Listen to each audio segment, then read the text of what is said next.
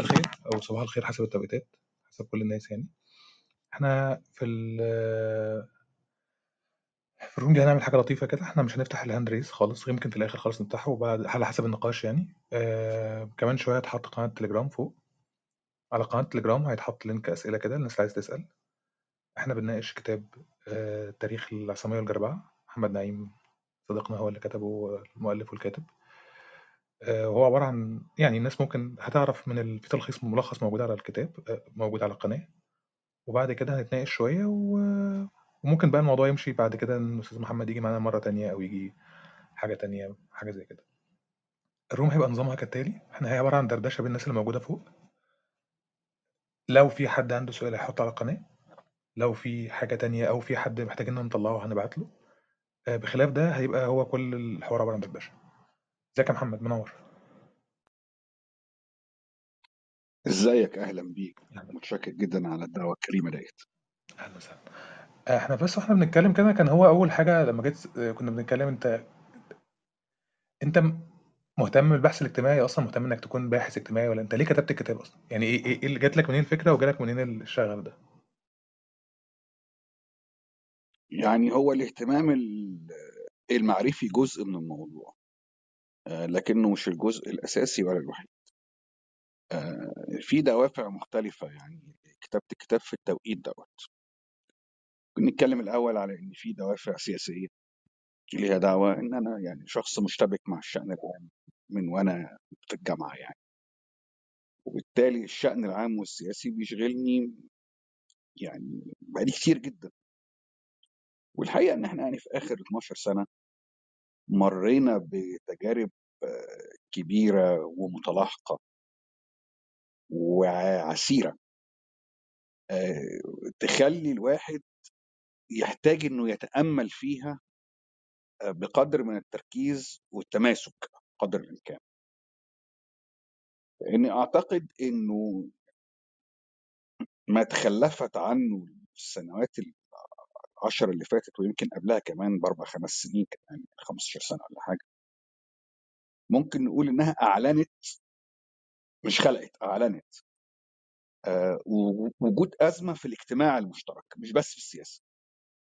الاجتماع المشترك هو اللي بيخليه وجودنا مع بعض كجماعة سكانية أو كشعب وجود آه، ماشي أو سالك أو بناء أو مأزوم أنا ظني يعني إنه على المستوى دوت اتخلقت آه، أزمة تعايش ما بين قوى المجتمع المختلفة وأزمة حوار. إن الناس مش عارفة تجد أي لغة مشتركة بينها وبين بعض بشكل يخليها آه، تعرف تاخد وتدي مع بعض وتوصل لحلول وسط أو لاتفاقات أو لصراعات حتى بس تبقى من بلورة ال- إيه الملامح من غير ما يبقى دوت واخد طابع عصبي أو عدواني. وكمان الازمه الاجتماع المشترك دي عكس نفسها على كل حاجة بقى يعني على الإنتاج على البيزنس على القوانين على الحقوق وايه الواجبات على ملامحنا كمجتمع حديث ومدني. آه، فده دافع. وأنا رأيي ده دافع رئيسي بالنسبة لي لكتابة التأملات النقدية الطويلة. في دافع تاني كان دافع شخصي. وان أنا كتبت الكتاب دوت في السنة بتاعه 2020 آه، مع الكورونا آه، في المطر في يعني في الفترة ديت أنا لأسباب صحية آه، كان لازم ابقى معزول قدر الامكان. آه، عشان لسه ما كانش واضح أثر الفيروس لو كان جاي الواحد كان ممكن يبقى عامل عليه إزاي يعني.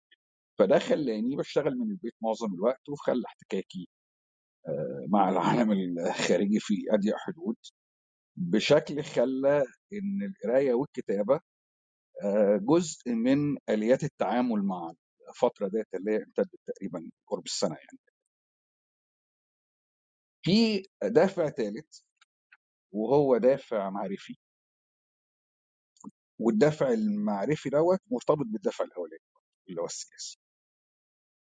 اللي هو إن عشان يبقى فيه أي أساس للتعايش أو الحوار أو الإنتاج أو الحقوق أو الواجبات أو أي حاجة إحنا محتاجين نتأمل في جذور وقيم المشروع الوطني الحديث اللي إحنا ابنائه وده مشروع عمره 200 وحاجة سنة.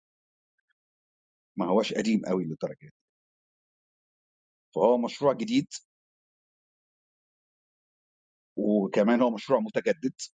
متجدد بمعنى إنه عمره ما كان بيبقى مرحلة واحدة. هو طول الوقت بيمر بأطوار. الأطوار دي على كافة المستويات. على مستوى اللغوي والثقافي والسكاني عدد السكان النشاط الإنتاجية اللي المجتمع عامل إزاي.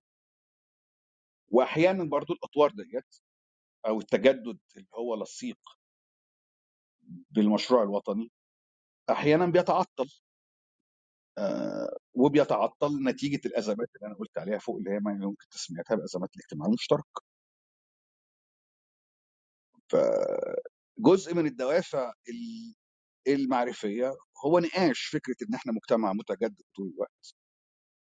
مش ثابت زي ما الناس كتير متخيلة وهو مجتمع جديد. جديد بمعنى إن النسبة الأكبر من مفردات حياته وتفاصيلها هي بنت عالم حديث بالكامل. شأنه شأن معظم دول العالم. وإن تحديات وجودنا المشترك كجماعة سكانية كشعب. قايمة على فكرة إن الوطن هو تجربة اجتماعية مستمرة. ما هياش حالة ثابتة. حالة بتتغير طول الوقت. وإن كثير من التحديات اللي بنواجهها هي تحديات محض معاصرة. هي مش موروثة بالمرة. يعني وبعضها تحديات يعني ما أعتقدش هيبقى عليها خلاف.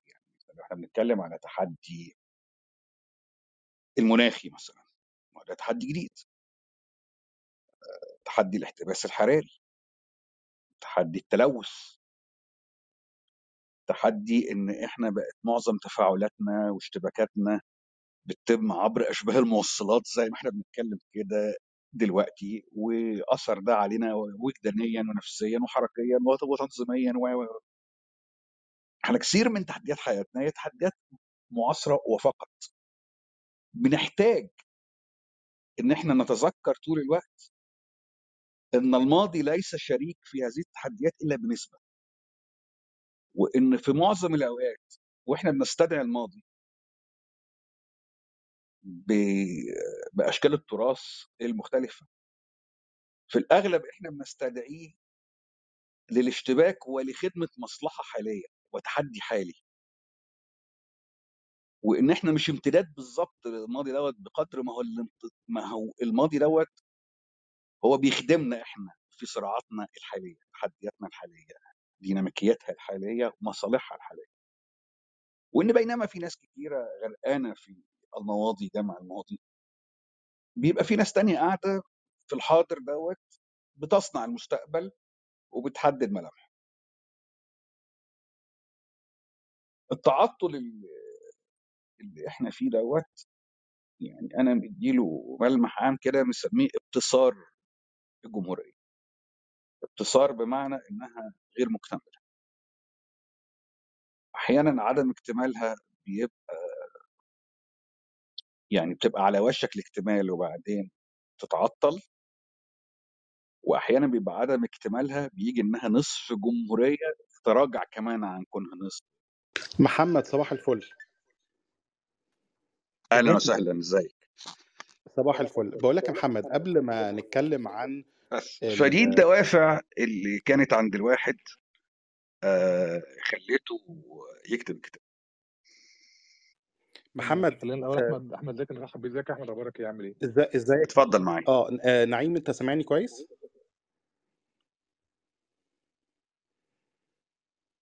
سامعك كويس أعتقد هو سامعك قفل المايك احمد آه طيب تمام. بقول لك يا نعيم آه طبعا النقطة بتاعت إن ليه الجمهورية مبتسرة أو الجمهورية غير مكتملة أنت كتبت عنها كتير في الكتاب وبتخيل دي نقطة مهمة جدا. بس قبل ما ندخل على النقطة دي آه، وأسمع طبعا إجابة مطولة منك حولها أو حوالين النقطة دي تحديدا. خلينا نتكلم الأول بالنسبة لمن قرأ الكتاب أو لم يقرأ الكتاب في النقطة بتاعت إنك اخترت آه، أنا عارف إنه دي يمكن ملحوظة في الشكل ولكنها كان ليها دلالات أنت كتبت عنها. ليه اخترت إنك تكتب المقدمة بالع- باللغة العامية مثلا ثم أتى الكتاب الباقي باللغة العربية المتعارف عليها الرصينة؟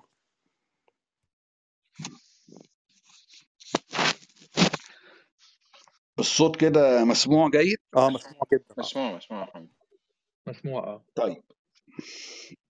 أنا كنت أوضحت في المقدمة اللي أنا كاتبها بعامية متفصحة إنه آه، إن أنا بعمل دوت اولا لأن أنا حر لأن أنا ممكن أختار اللغة اللي أنا أكتب بيها أو الصياغات بتاعتها.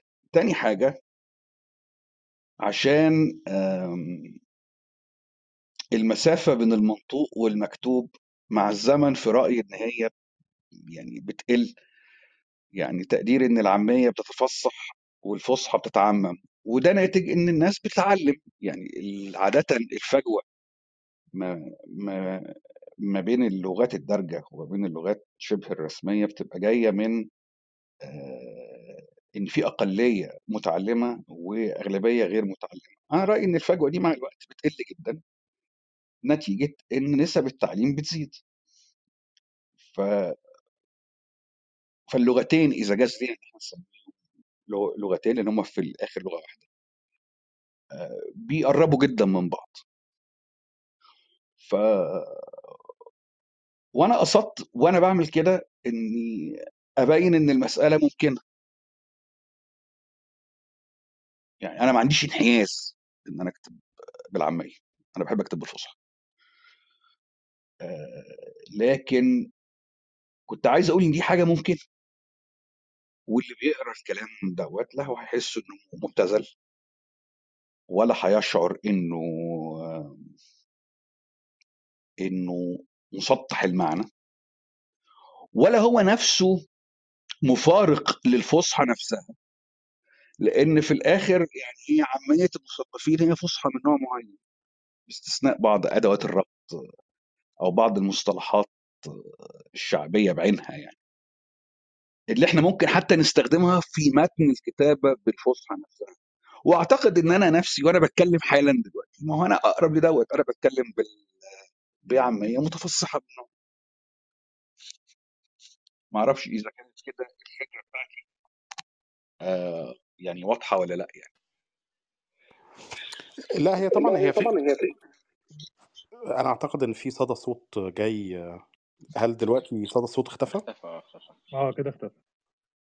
آه لا بقول لك يا نعيم طبعا هي الفكرة واضحة في مسألة إنه آه ال- العامية ال- اللي أنت كتبت بيها هي عامية متف... متصف... م- مخلوطة بالفصحى متصفحة أو متفصحه آه، زي التعبير اللي أنت قلته. بس كمان الفكرة كانت إنه ده مدخل لسؤال آخر عن فكرة التعليم لأن أنت كنت اتكلمت على فكرة التعليم ودوره في التحديث اللي حصل في المجتمع.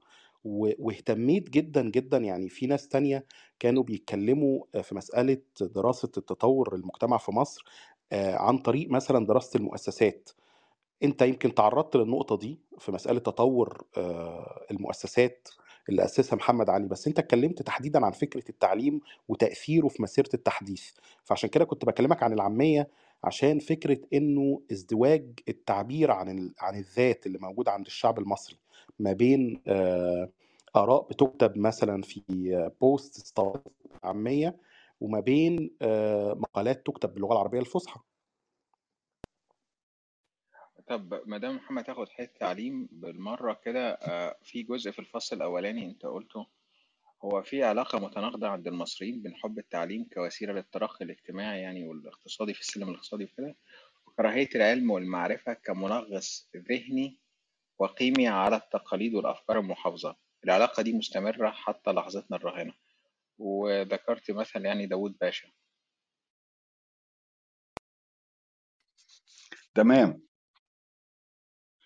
هو دعونا الأول يعني وانتوا بتضربوا مثل بمسألة التعليم دي تحديدا إن أنا كنت محدد في الفصل الأولاني مسميه في مكامن العصامية المصرية إن إحنا مع بداية رحلة التحديث في عهد علي وأولاده حجم الحراك الاجتماعي أو النقلة الاجتماعية اللي تعرض ليها الفلاحين المصريين كانت كبيرة جدا. وجاية بعد ميراث من القهر والبؤس الذي ربما لا يمكن لنا أن نتخيله. نتخيله أصلا. نتخيل مفرداته.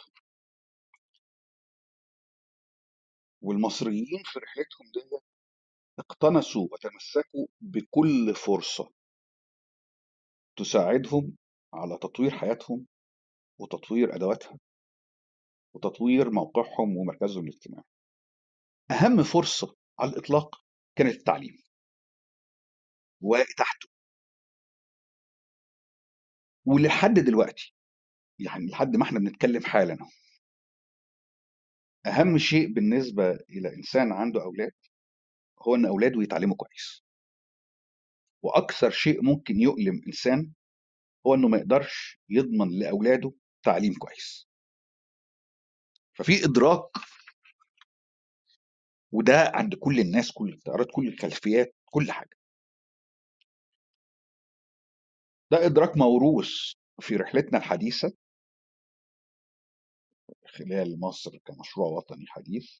إدراك أن التعليم هو المدخل الأساسي للترقي الاجتماعي الشريف.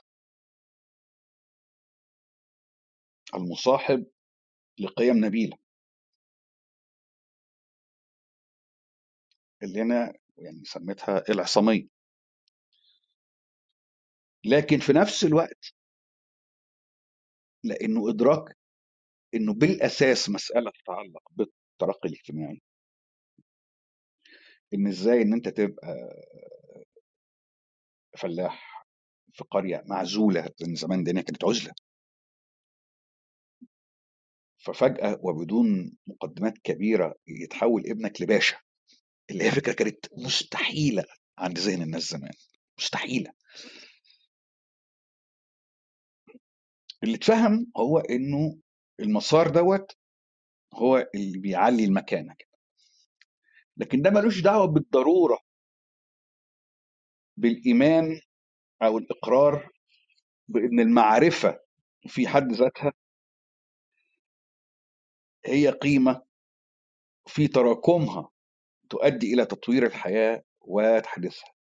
وده ناتج إن في التحليل الأخير عملية التحديث في مصر تمت من أعلى. تمت من الدولة من فوق تمت من سواء من محمد علي ومشروعه أو من الإصلاحات ال- إيه العثمانية أو من الاستعمار. وبالتالي عملية التحديث عندنا لم يشارك فيها عموم السكان كتفا بكتف مع اللي بيقوموا بيها من أعلى.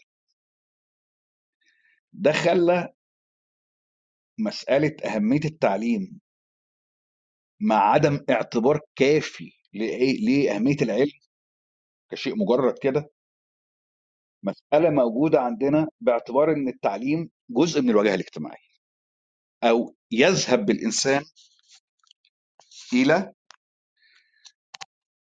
حيث إنه يبقى في موقع اجتماعي أكثر تميزا ما أعرفش إذا كان دي كانت إجابة كافية ولا لأ. تمام. خلينا بس نرحب بمومو مو صديقي كان أصلا راجل ساحلك من أستراليا في توقيت صعب جدا. إزيك يا مو؟ عامل إيه؟ صباح الفل. آه وميلاد كمان. إسلام كان عايز يشترك معاك في النقطة دي فممكن إسلام يشترك معاك في النقطة دي ونرجع لأحمد بعد كده.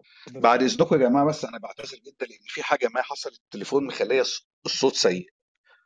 ف هشوف بس إيه الحكاية لمدة آه، 30 ثانية بالعدد وهرجع على طول بعد إذنكم. طيب خلاص. ازيك يا أحمد؟ أحمد داخل كده بس مفيش صباح الخير مساء الخير. أخباركم إيه؟ الدنيا عاملة إيه ولا ما عشان محمد كان بيتكلم يعني بيسترسل في الحديث وبعدين محمد بدأ يتكلم عن إن الجمهورية غير مكتملة وأنا بتخيل إن دي فكرة مركبة جدا فعشان كده أنا آسف على طول رحت إيه قلت طيب أوقف محمد قبل ما يتكلم عن هذه الفكرة المهمة اللي هي إن الجمهورية غير مكتملة آه، ولأن كمان هي الفكرة دي آه، بتيجي بعد عدة أفكار محمد بيطرحها في الكتاب آم، فالفكرة الأولى اللي كانت مهم جدا نسمع من محمد آه، طبعا ال- أنا الناس رجعت ممكن رجعت يا نعيم صح؟ مم. آه فبقول إنه كنت برد دلوقتي على صديقنا نو واي بقول إنه كان في فكرة مهمة جدا إن الناس المتعودة تقرأ كتب آه، في اللي طبعا الكتب اللي بتتكلم عن ال- الاجتماع السياسي آه، بالنسبة للحالة المصرية هي كتب قليلة جدا مش كتب كتير بالمناسبة يعني آه، فالناس ممكن تتخض إنه المقدمة مكتوبة بالعامية ولكن في فلسفة ورا فكرة إن المقدمة ليه كتبت بالعامية وإنه دي طبعا ليها علاقة بالفكرة التعليم ودور التعليم في التحديث اللي أنت كنت اتكلمت عنها. آه، بس فده ردا بس على no way إن أنا كنت المفروض أدخل أسلم عليكم جميعا الأول وأطمن عليكم كنت شايف إن الأفكار اللي أنت بتطرحها يا نعيم مهمة جدا. فطبعا دلوقتي أنا عارف إن في سؤال عند إسلام فاتفضل يا إسلام. طيب آه شكرا أستاذ أحمد وأستاذ محمد. آه، اسمحوا لي في الأول إن أنا أرحب بيكم تاني على ال panel. آه، بجد فرصة وأنا شخصيا بستفيد من كل كلمة بتقولوها وطبعا تحياتي للأصدقاء آه، سواء على الموجودين في الروم. آه، طيب الحقيقة حسيت شوية من كلام آه، شوية كمان على بعض كتابات آه، آه، طه حسين. ما أقدرش أقول إن إن ده حاجة أنا متأكد منها ما بس عايز أسأل حضرتك سؤال آه، بخصوص اللغة والتعليم. ملف اللغة والتعليم زي ما أنت اتفضلت وقلت في آخر 100 سنة أو في آخر 50 سنة تحديدا آه، حصل فيه تطورات كتيرة جدا للثقافة في مصر. كده مش من بعيد من خمسين سنة بس كان اللغة العربية غالبا بيجيدوا اللغة العربية بشكل قوي جدا. الكتاب الصحفيين المذيعين أفتكر كمان حتى الوزراء والساسة كان لازم يتمتعوا بقدر لا بأس به من اللغة العربية. مجمع اللغة العربية نفسه لو أنا مش مش مخطئ كان كان بيحتوي وبيضم على أئمة الأدب وال أفتكر آه، أحمد سيد أو آه، أو أحمد لطفي السيد قبل طه حسين. إيه لا طه حسين وبعد كده أحمد لطفي السيد. القصد إن مكانة اللغة العربية طبعا اتأثرت بشكل كبير سلبا في المجتمع المصري في آخر 50 سنة تحديدا. إيه وده يعني اقترن بفكرة مجانية التعليم اللي حضرتك آه، آه، أفردت لها جزء آه، مش قليل وبلورتها هنا على على المنصة. هو سؤالي كالآتي. إيه، أنا موافق حضرتك فكرة آه، مجانية التعليم وانتشاره في في الوقت ده في حياة مصر كانت بتعتبر من أهم القنوات اللي سلوكها أو سلكها الكثير من الفلاحين في مصر عشان خاطر يثبتوا لنفسهم وجاهة اجتماعية أو يتحركوا في الحراك الاجتماعي إلى الأمام. طبعا موضوع الزراعة والاشتراك في الجيش آه، والهجرة إلى بعض الدول دول النفط وده كله لكن نرجع للتعليم. آه، سؤال هل حضرتك شايف إن فتح المجال التعليم في اللحظة دي في تاريخ مصر بالقدر العالي جدا ده مع عدم أخذ في عين الاعتبار قدرات المدارس كبنية تحتية أو المؤهل أو المؤهلات التعليمية والمهارات المفروض يتمتع بيها المدرسين وبعض وبرضه موضوع المناهج وتنقيحها باختلاف طبعا ال- السياسات المختلفة على مدار الخمسين أو السبعين سنة الأخيرة. هل حضرتك شايف إن ده كان ليه أثر سلبي؟ وما أتاش بثمار المعرفة اللي حضرتك اتكلمت عليها واللي دلوقتي بنشوفه من إن بقى التعليم والحصول على شهادات بعيد كل البعد عن المحتوى العلمي أو حتى الإفادة في في الحقل العملي ولكن هو منصب على نوع من آه، الاجتماعية. آه، بداية للأسف من سن صغيرة جدا من أربع وخمس سنوات بقينا بنلاقي تناحر اجتماعي ونوع من أنواع التنافس الاجتماعي بين الأسر على إثبات مكانة اجتماعية بعينها وبتبقى أحد الأدوات لإثبات ده هو التعليم. فأنا محتاج من حضرتك يعني رأيي في الموضوع ده لأن أنا الحقيقة شايف إن إن إن الحال التعليم حاليا في مصر مش بيسير للأمام حتى لو كان القدر المعرفي بيزداد زي ما حضرتك ات- اتفضلت وقلت. آه، شكرا. طيب هي يعني أنا هرد على الجزئية دي سريعا. من حيث المبدأ على مستوى الحق آه، من حق الناس كلها إنها يبقى عندها إتاحة للمعرفة بكافة أشكالها. سواء كانت المعرفة دي معرفة من خلال مؤسسات تعليمية أو معرفة متاحة براها ده من حيث المبدأ. حق. لكن كمان من حيث ال- المردود العملي. المسألة دي بتفرق أو هي اللي فرقت مع أي بلد في الدنيا. إحنا مش محتاجين فرق يعني. بل إنه ممكن الناس تبقى مش قادرة تتخيل مثلا إن في بلدان كبيرة يعني مثلا روسيا مثلا آه، لحد بدايات القرن العشرين كان مستوى البؤس والجهل فيها واصل إن لو طبيب شاطر ومتعلم وكل حاجة كتب لإنسان وقال له أنت عندك نقص حديد آه، كان بيفهم من دوت إنه يروح يغلي مسامير ويشرب ميتها. آه، ودي ذكرت في روايات كثيرة جدا منها تأريخ ومنها أدب. فهو التعليم لأ بيفرق. التعليم بيفرق آه، اتاحته حتى لو سيء بالمناسبة حتى لو سيء. ودي نقطة مهمة. بيعمل فرق لأن على الناس إنها تتخيل لو هو مش موجود عامل إزاي. وعشان الناس تتخيل هذا التعليم السيء لو هو مش موجود عامل إزاي لأ لسه في مصر. فيها قرى الناس فيها مش حاضر فاتحه الجيش في مصر زمان لما أخذ الفلاحين ما كانش الناس بعضهم بيعرف إيدها اليمين من إيدها الشمال. كانوا بيقعدوا بالأيام وبالشهور يعلموا الناس تمشي. يعلموهم الخطوة السريعة والخطوة المعتادة. عشان كده مصر دايما طول الوقت كان فيها الجملة بتاعت راح الجيش ورجع منه بني آدم. فإحنا رحلة التحديث عندنا بادئة من تحت قوي. مشاكل التعليم هي مشاكل نخب مش مشاكل ناس. الناس اللي بتجيلها بتاخد ويشكروا جدا على دوت. ويعني حتى أنا كاتب في الكتاب جزء حوالين مبحث كده صغير حوالين إن إزاي الإنترنت فرق معرفيا في مصر بشكل أتاح يعني مستويات من الثقافة لم تكن معتاد إنها موجودة. قبل كده الناس كانت بتتعب قوي عشان تلاقي كتاب. الناس كانت بتتعب قوي عشان تعمل حوار. الناس كانت بتتعب قوي عشان تعمل جدل ف آه في أزمة أزمة كبيرة والأزمة دي أزمة نخب مهيمنة بالأساس لكن من حيث المبدأ لا إحنا طبعا أحسن من زمان طبعا أحسن من من زمان بكتير. ولو كان زمان في نخب ضيقة مثلا ما تزيدش عن 3 4% من من السكان لغتها العربية لغة رفيعة وعظيمة وعندها قدرة عن التعبير عن نفسها بشكل في قدر معقول جدا من الفصاحة. لكن هذه النخب نفسها هي في هذه اللحظة كانت مدركة إنها محاطة بعالم شديد البؤس. عشان كده هم كانوا بيبذلوا مجهود عشان التعليم يبقى أكثر إتاحة. حتى لو كان المردود في النهاية مش اللي إحنا عايزينه بالظبط أو مش اللي إحنا نرتجيه بالظبط معاكم الميكروفون.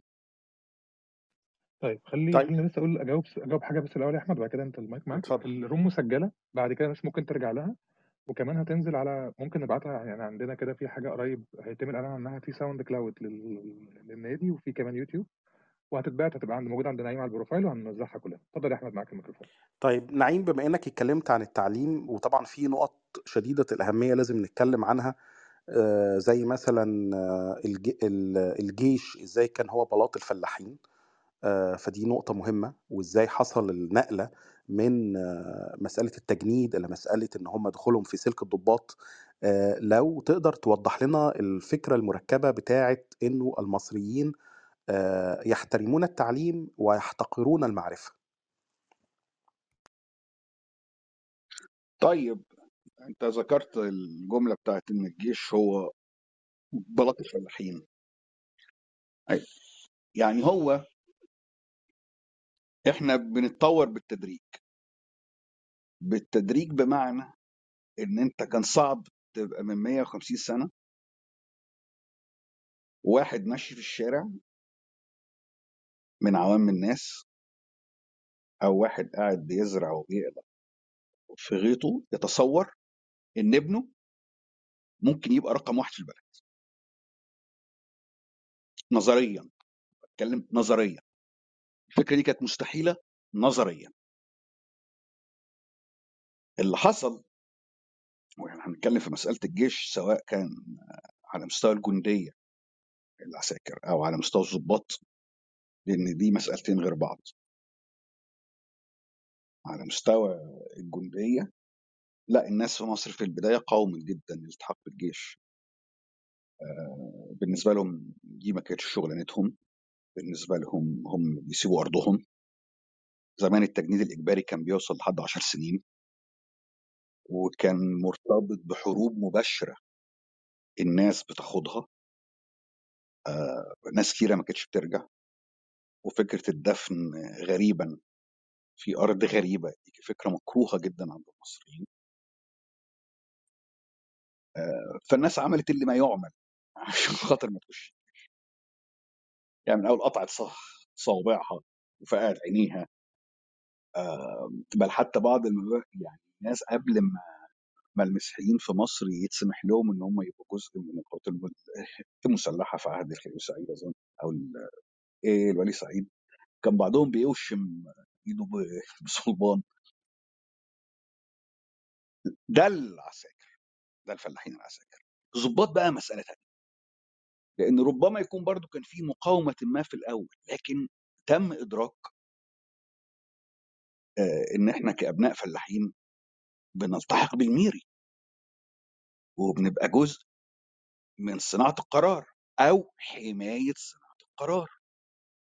ودي مسألة لم تكن متاحة ابدا قبل كده. بل ومع الوقت بقى في إدراك إن الضباط الصغيرين دول في رتبه ملازم أول أو يوسباشي اللي هو نقيب. آه، هيترقوا وعشان كده أظن أنا كنت واخد كان ملاحظة مهمة كان كاتبها خالد فهمي في الكتاب بتاعه بتاع كل رجال باشا إن في مكاتبات ما بين محمد علي وما بين إبراهيم باشا بيقول له آه، أولاد العرب هم الفلاحين يعني اللي هم المصريين ما يترقوش لبعد رتبة اليوسباشي بل إن في حرص طول الوقت إن أثناء قيادتهم لتشكيلاتهم العسكرية تبقى التشكيلات دي متحوطة بتشكيلات تانية تحت قيادة ارناؤوطيه أو ألبانية أو تركية. وظن حتى أنت حتى كتبت يا نعيم إنه إن الكتيبة لازم يكون نصها من الترك والأرناؤوط والنصف الثاني من العرب داخل كل تشكيل عسكري أو اورطه كتيبة يعني. فقد كان آه. محمد علي يدرك أن السماح للعرب بتولي مناصب قيادية في الجيش أو في الإدارة المدنية سوف يشكل تحديا لقاعدة سلطته القائمة على أساس تركي مملوكي. اللي هو حصل بعديها بالظبط ب 20 سنة.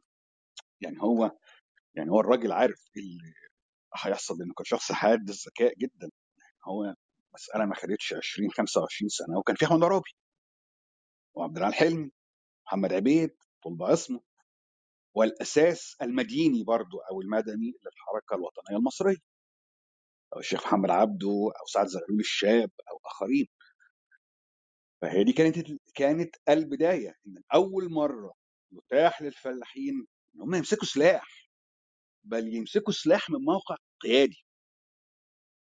ده شكل حاجة. الحاجة ديت بت بتقول إن يمكن لك نظريا أن تكون من عوام الناس وأن تلتحق بالسلك العسكري.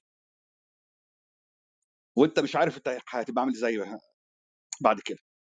ممكن تكمل فتبقى أفندي تكمل أكتر تبقى بيه تكمل أكتر تبقى باشا كمل أكتر تبقى الرئيس. محدش من اللي حكموا مصر. كان وهو في عشرينياته لا هو ولا اللي حواليه متخيلين هو هيبقى عامل إزاي بعد كده. دي فكرة بالنسبة للعالم اللي إحنا جايين منه أصلا فكرة شديدة التقدم. لأن ده معناه إن هناك إمكانية نظرية لتكافؤ الفرص وسط أبناء الفلاحين مش وسط الشعب كله يعني. وسط أبناء الفلاحين الملتحقين بالميري الميري سواء كان جهاز عسكري أو جهاز مدني شبه عسكري أو جهاز الدولة عموما. ف آه، وده برضو يلمس تاني يا أحمد مع الفكرة بتاعت ما هو في الآخر ما أنت الالتحاق دوت ما هو تعليم. فهو ده بيخليك مدرك إن قد إيه الالتحاق بالمؤسسات التعليمية سواء معرفية أو انضباطية أو معرفية انضباطيه أو أو أو ممكن يوصلك إلى أعلى المراتب. مسألة وهنا بقى نرجع لل- للسؤال الأولاني اللي أنت قلته. احترام العلم أو المعرفة في حد ذاتها دي بقى مسألة تانية. لأنه الحقيقة إن لو المعرفة كمعرفة بيتم تقديرها واحترامها كشيء أساسي وحاسم ده معناه إن مستوى الجدل في المجتمع هيتطور بشكل قد يعطي حقوقا لناس أكتر. وناس أعلى. نسبة أكبر من السكان. أي المشاركة في اتخاذ القرار بين أوسع قطاع من السكان. أي تشكيل الشعب كفكر. أي اكتمال الجمهورية. لأن الجمهورية دي مراحل. دي عتبات دي مش قرار كده أنت بتعلنه. فنقول إيه إحنا بقينا جمهورية؟ لأ دي process و process طويلة. أنا خلصت. طيب النقطة اللي أنت طيب خلينا حاجة دلوقتي بس أنا آسف. أنا آه بسيطه بس عشان الناس كمان بتتلخبطوا شوية. بصوا يا جماعة هي فكرة الحوار هنا هو الفكرة مش عرض الكتاب هو إحنا كنا لما كنا بنتكلم عن نعيم كانت الفكرة كلها إن إحنا بنناقش مع بعض يعني كمان شوية ممكن إسلام هيفتح المايك ويدردش إحنا بن... بنناقش الأفكار اللي موجودة في الكتاب لأن أنا من شوية لما كنا بنتكلم قال لي أنا لو جاي عشان خاطر أعمل عرض للكتاب فأنا هنقعد شوية وهمشي يعني هقول لكم الكتاب بيقول إيه كذا كذا كذا وأدي لينك الكتاب والموضوع انتهى. آه، أستاذ أحمد زكي آه، موجود عنده على link تويتر الناس ممكن تعرفه راجل صحفي وكبير في البي بي سي يعني أستاذ إسلام ناس هنا سمعته كذا مرة ودكتور إسلام بيتكلم طول الوقت هنا على كتب. دكتور أحمد لبيدي برضه أنتوا عارفينه أستاذ ميلاد موجوده ودكتور مو. والعبد لله فإحنا قاعدين بنتكلم مع بعض. هو الحوار نقاش إحنا بنناقش الأفكار اللي جوه الكتاب والأفكار اللي ممكن تطلع منه. الجلسه دي ممكن يطلع منها جلسة ثانية وجلسة ثالثه وجلسة رابعة. إحنا النهارده فاتحين حوالين بنتكلم على الفصول بالترتيب وبعد كده هنفتح لفصول تانية. الأسئلة زي ما قلت هتبقى موجودة على قناة تليجرام وممكن كمان شوية الناس هتطلع بس مش دلوقتي إحنا لسه بنناقش. وأنا آسف والله الناس اللي عمالة تبعت تطلع هنطلع الناس والله بالترتيب. اتفضل يا أحمد. طيب بشكرك جدا. آه أنا بس كنت عاوز أسأل بما إن نعيم ذكر آه ال- النقطة الأخيرة آه حول مسألة إنه الناس بسبب التعليم بدأت تعرف أفكار زي الجمهورية الاشتراكية الليبرالية آه كنت عاوز أقول لنعيم إنه قبل بقى ما ننطلق للنقطة دي نرجع بس نقطة كده لورا و- وأسأله آه، لأن هو كتب عن الموضوع ده. أسألك يا نعيم لأنك كتبت عن الموضوع ده إزاي الناس المصريين في القرن ال19 قبل ما يوصل محمد علي باشا لمصر وحتى بعد ما وصل وبدأ في إنشاء آه، مؤسسات ال- الدولة بتاعته آه، إزاي كان الناس هل الناس في مصر كان لديها تصورات عن فكرة الجمهورية؟ هل الناس كان عندها تصورات عن فكرة مصر نفسها كوطن؟ أم زي ما أنت كتبت كانت الناس عندها تصورات آه، محدودة جدا جدا وفق العالم الصغير بتاعها اللي موجود في القرى التي ربما لا تتواصل مع بعضها؟ أعتقد إن ودي الفكرة اللي أنا كنت قلتها في المقدمة إن إحنا وعينا بوجودنا الحالي وعي حديث بالكامل آه، أنا ما أقدرش أتخيل نفسي لو أنا جدي الخامس اسمه القناوي أنا ما أقدرش أتخيل جدي السادس بقى اللي هو أبوه. وهو قاعد في نجع أو في قريه في الصعيد. كان واعي العالم إزاي؟ أو واعي بيه إزاي؟ يعني ممكن مثلا يبقى كان متخيل إن هو موجود في عيلة بتحميه أو كبار ملاك مثلا وفي السلطان. آه فإحنا جزء من وعينا الحالي مرتبط مرة أخرى بالتعليم وبالرواية اللي إحنا صغناها وسط عملية التعليم والمعرفة حوالين إحنا مين؟ ودي حاجة إحنا بنصيغها بنفسنا. إحنا اللي بنكتبها. هي مش جاية لنا من من حد. إحنا طول الوقت زي الفكرة بتاعت إن الوطن هو تجربة اجتماعية مستمرة إحنا اللي بنكتب تاريخنا. تاريخنا ما بيكتب لناش وإحنا اللي بنكتب تاريخنا وكل فترة بنعمل ريفليكشنز عليه. فنعيد قراءته بطريقة مختلفة. وبالتاكيد إحنا لو 1804 و1805 مثلا لا ما كانش في وعي جمهوري أكيد ما كانش ده موجود ساعتها لأنه ما كانش موجود أصلا في حتة. يعني ده ما كانش إحنا بس. يعني ده كان في جمهوريتين في الدنيا الجمهوريه الف- الفرنسيه اللي كانت بتطلع وبتنزل وهي نفسها انهارت سنة 1815 والجمهوريه الامريكيه فإحنا زينا زي باقي العالم. آه، ف... فلأ ده دي عملية حديثة تمت بتبني أفكار حديثة وهذه الأفكار صاغت في أواخر ال 18 خلال القرن ال 19 والعالم كله سمع مع بعضه فيها. وإحنا في هذا الصدد بالرغم من إن في يعني ادعاءات طول الوقت على المصريين إن هم بيقاوموا الأفكار الأخرى الأفكار الغريبة الأفكار الخارجية الحقيقة ده مش صحيح. يعني هضرب مثل ده برضه اللي كنت كاتبه في الكتاب. عبد الرحمن الجبرتي وهو من علامات الثقافة والحكمة في مصر في زمن الراجل لما سليمان الحلبي جه تفضل مشكورا واختال كليبر الفرنساويين عملوا لسليمان الحلبي محكمة. فيها قاضي يمين وقاضي شمال ونيابة وكمان جابوا له محامي. هو ما كانش فاهم بقى حكاية المحامي. هو بالنسبة له ده راجل قتله قصاد ناس واعترف وفخور بدوت. إزاي بقى الطرف الثاني ده جايب له محامي؟ طب هو معترف. المحامي ده بيدافع عن إيه؟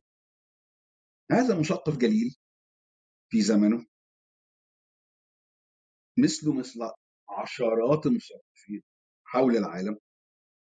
ما كانش لسه فكرة التقاضي اللي إحنا نعرفها دي دلوقتي دي واجراءاتها موجودة. بنفس التفاصيل والعناصر. طب الكلام ده سنة في بداية القرن ال 19 تنط 60 سنة بس 60 سنة بس.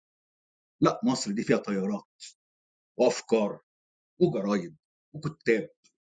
واللي واللي عنده ميول اشتراكيه شوية اللي عنده ميول ل- للروايه شوية. تبدأ أفكار الأصالة وال- والمعاصرة. أفكار الإحياء الإسلامي. آه، مع جمال الدين الأفغاني. حاجات كتيرة كلها جديدة. بالنسبة للعالم اللي كان قبله من 50 سنة. فقد إيه الناس كان عندها استعداد إنها تتبنى. بل وتخلق. أفكار جديدة. تخلقها خلق. فاهم قصدي يا أحمد؟ أنا خلصت. آه، النقطة دي تمام. أعتقد ميلاد عنده سؤال. اتفضل يا ميلاد. مساء الفل يا جنرال. آه، أنت بنيت الكتاب يا جنرال؟ يعني خلينا نرجع لورا خطوة كده. أنت بنيت الكتاب على ثنائية؟ اللي هي ثنائية العصامية والجربعة. خلاص؟ ف... ففي نقطة التعليم دي بالأخص عشان إحنا أنت يعني الكتاب ال- يعني الناس اللي قرت الكتاب وأنا واحد منهم دايما كنت باخد الأفكار اللي مطروحة في الكتاب وابتدي أبص عليها في الوقت اللي إحنا عايشين فيه في الوقت الحالي. فبتلاقي في حاجات كده بتنور في ذهنك أنت محتاج إنك تفكر فيها من أول وجديد. من ضمنهم نقطة التعليم. فأنت بنيت الكتاب على على الثنائية ديت العصامية والجربعة. في التعليم إن كان زمان أو إن كان دلوقتي الثنائية ديت ماشية إزاي؟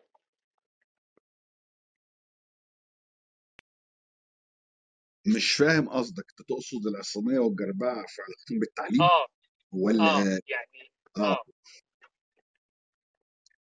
طيب لو إحنا اعتبرنا إحنا لو اعتبرنا يعني أنا هعتبر إن لو لو الناس بتتعامل على إن التعليم مجرد مجرد أداة للترقي الاجتماعي وفقط أنا بشوف ده جربة مجرد. لو أنا هشوف أو هلاقي ناس بتعتبر أن المعيار الوحيد للرفعه الاجتماعيه هي قدرتها على الاستهلاك تاكل إيه؟ بتشرب إيه؟ بتصرف إزاي؟ دي اربعه وفي هذا الحد هو الحد شديد الحدة.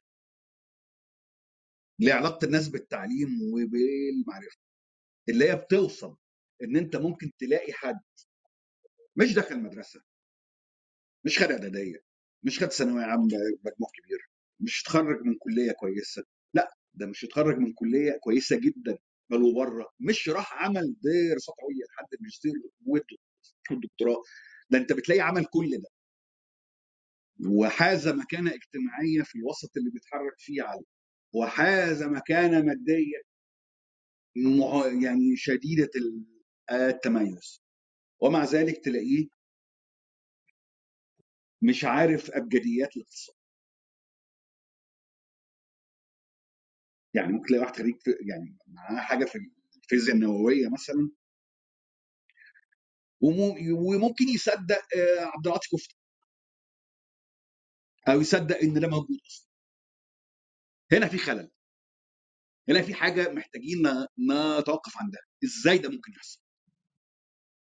ده هنا مع معناها إن الرحلة دي الطويله المعرفية ديت ما كانش اكتساب المعرفة النقدية فيها وتراكمها هدف في ذاته أو يشكل عامل رئيسي بقياس إنك بتعمل ده فقط من أجل الترقي الاجتماعي. ما أعرفش إذا كنت في هذا الصدد وضحت يعني إيه جربعه هنا؟ جربعه هنا معناه إن ده كله ملوش لازمة. لأنك بمنتهى البساطة ممكن بعد ما تحوز المكانة الاجتماعية اللي مترتبة على تعليمك دوت تحصل أزمة اقتصادية زي اللي إحنا فيها دي دلوقتي فتقعد في البيت. بس وأنت قاعد في البيت ومعكش فلوس أنت ما تفرقش حاجة عن اللي قاعد في البيت ومعهوش فلوس وهو ما خدش كل التعليم. واضحة الفكرة؟ طيب أستاذ محمد موضوع الجربعة والعصامية فيما يخص التعليم وصلني بشكل واضح بشكل واضح جدا. ويمكن أنا كمان بقول إن فكرة إن السواد الأعظم كمان متجه إلى بين قوسين الجربعة التعليمية للترقي الاجتماعي. بس سؤالي هنا هل اللي بيختار المسار ده بعد ما بيوصل للمكانة الاجتماعية اللي حضرتك اتفضلت وقلت إن هو حققها هل إصراره على مكوثه في هذا المكان لأنه مش قادر ولا مش عاوز يبقى عصامي في التعليم. مش عارف إذا كان سؤالي وصل لحضرتك ولا لأ هو السؤال إن بافتراض بتسليم إن في فعلا ناس واخدة المعرفة والتعليم والشهادات كواجهة اجتماعية وتحتيها حاجات تانية وأنا موافق على ده وشايف إن ده السواد الأعظم كمان. وشايف إن في أدلة حوالينا كتير جدا لا تعد ولا تحصى بتأكد الكلام ده في كل المجالات تقريبا. حضرتك ضربت المثل الاقتصادي وفي أمثلة تانية كتير. بس أنا سؤالي هو بعد ما سلمنا بكل ده تفتكر بقى اللي قاعد في ال comfort zone ده هو مش عايز يخرج منها ولا مش قادر يخرج منها؟ آه الاثنين وأحي... ودي بتفرق من حد للتاني وبتفرق من شرط للتاني. شرط بمعنى يعني الوضع اللي إحنا فيه. أنا أعتقد إن إحنا في اللحظة الحالية في ناس كتير عايزة تخرج من ده. مش فكرة إنها مش عايزة. عايزة بس مش عارفة. لأن أنت جزء من الخروج من دوت جزء من قدرتك على توسيع المدارك هي عملية جماعية. هي عملية محتاجة تنظيم اجتماعي. يعني هو مثلا سأضرب لك مثلا. أنت دلوقتي إحنا بنمر بأزمة اقتصادية عنيفه الازمه الاقتصاديه العنيفه دي مردودها على حياة كل الناس. ما فيهاش شك. طيب. في حد أدرك إنه ما كانش فاهم. وأدرك إنه مكانته الاجتماعية دي لا تساوي درجة الفهم المبدئية المطلوبة اللي تفسر له هو عايش في إيه. بس هيعمل إيه؟ هو محتاج يتكلم ويسمع ويتقابل مع ناس بتفهم. ويتعمل حوار هادئ ومنظم وتدريجي عشان عملية الفهم والتراكم دي تتم. بل إنه كمان ما يبقاش مهدد وهو بيعمل دوت. ده اللي أنا أقصده بالشرط العام. إن أنت محتاج إن يبقى فيه بيئة وحالة تسمح للناس إنها تعيد طرح الأسئلة بتواضع بشكل يخليها توصل لإجابات. ففي ناس عايزة ومش عارفة. وفي ناس مش عايزة. اللي مش عايز ده في الأغلب بيبقى مش عايز لأنه مدرك إن مصلحته الاجتماعية مرتبطة بتمسكه بالموقع الجربوعي وعلى لأن بالمناسبه وانت الجربعه دي ما بتجيش نتيجة إن الإنسان وحش أو شرير.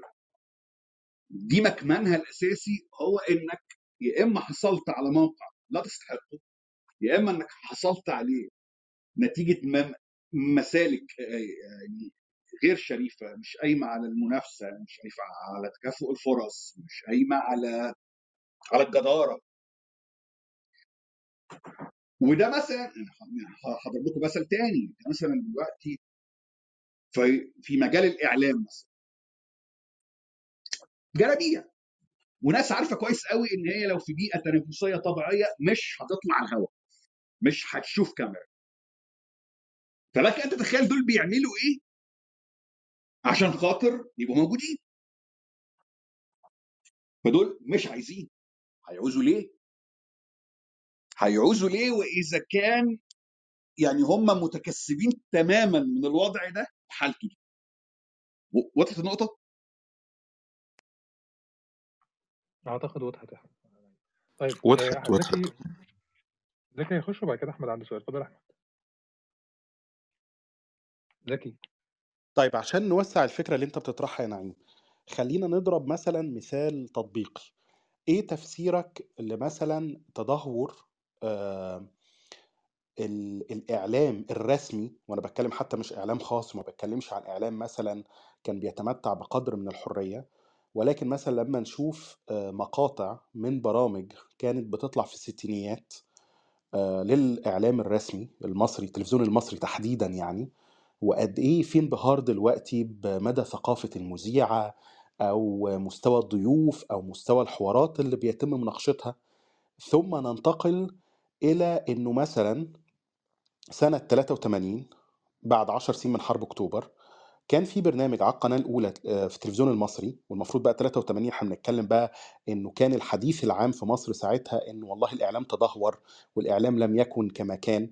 ولكن نشوف برنامج اسمه وجه الصحافة متاخد الفورمات بتاعه من القنوات الأمريكية وفي مجموعة من الصحفيين آه، اللي بيحاوروا آه، أبو غزالة اللي هو القائد العام للقوات المسلحة ساعتها وزير الدفاع وبيحاوروه بصراحة شديدة جدا ويطرحوا عليه أسئلة بيبان منها على مدى ساعة إن الأسئلة دي لم تعرض على أبو غزالة وإنه في الحقيقة كان أبو غزالة عنده من الثقة ما يكفي إن هو يجاوب على هذه الأسئلة وإنه الحوار يكون ممتع ومفيد إحنا بنتكلم على 83 ثم نشوف بقى مقاطع أخرى أيضا من الإعلام الرسمي في التسعينيات برضو يبدو فيها إن في حوارات مهمة ولطيفة أحمد زكي بيطلع في حوارات. وصولا لمرحلة الانهيار الحالي أنت بتفسر بإيه النقطة دي؟ والنقطة دي أنا مش بتكلم عليها بالمناسبة من منظور الإعلام ولكن من منظور التعليم نفسه. هنا المسألة جاية بإن هو إيه التدهور؟ التدهور بيحصل لما يبقى بيننا وبين بعض كلنا تواطؤ حوالين إنه لو التدهور حصل مش مشكلة هيفرق إيه يعني؟ وهنا أنا مش. يعني أنا هكلمك على حاجة أبسط إن أنت تلاقي في شريط الأخبار أخطاء إملائية مش نحوية إملائية. آه يعني مش فصحى عامية لا دي الكلمة بتتكتب غلط أصلا. ودي معناها إيه؟ معناها إن اللي بيراجع يعني بيقول مش مشكلة حصل خير.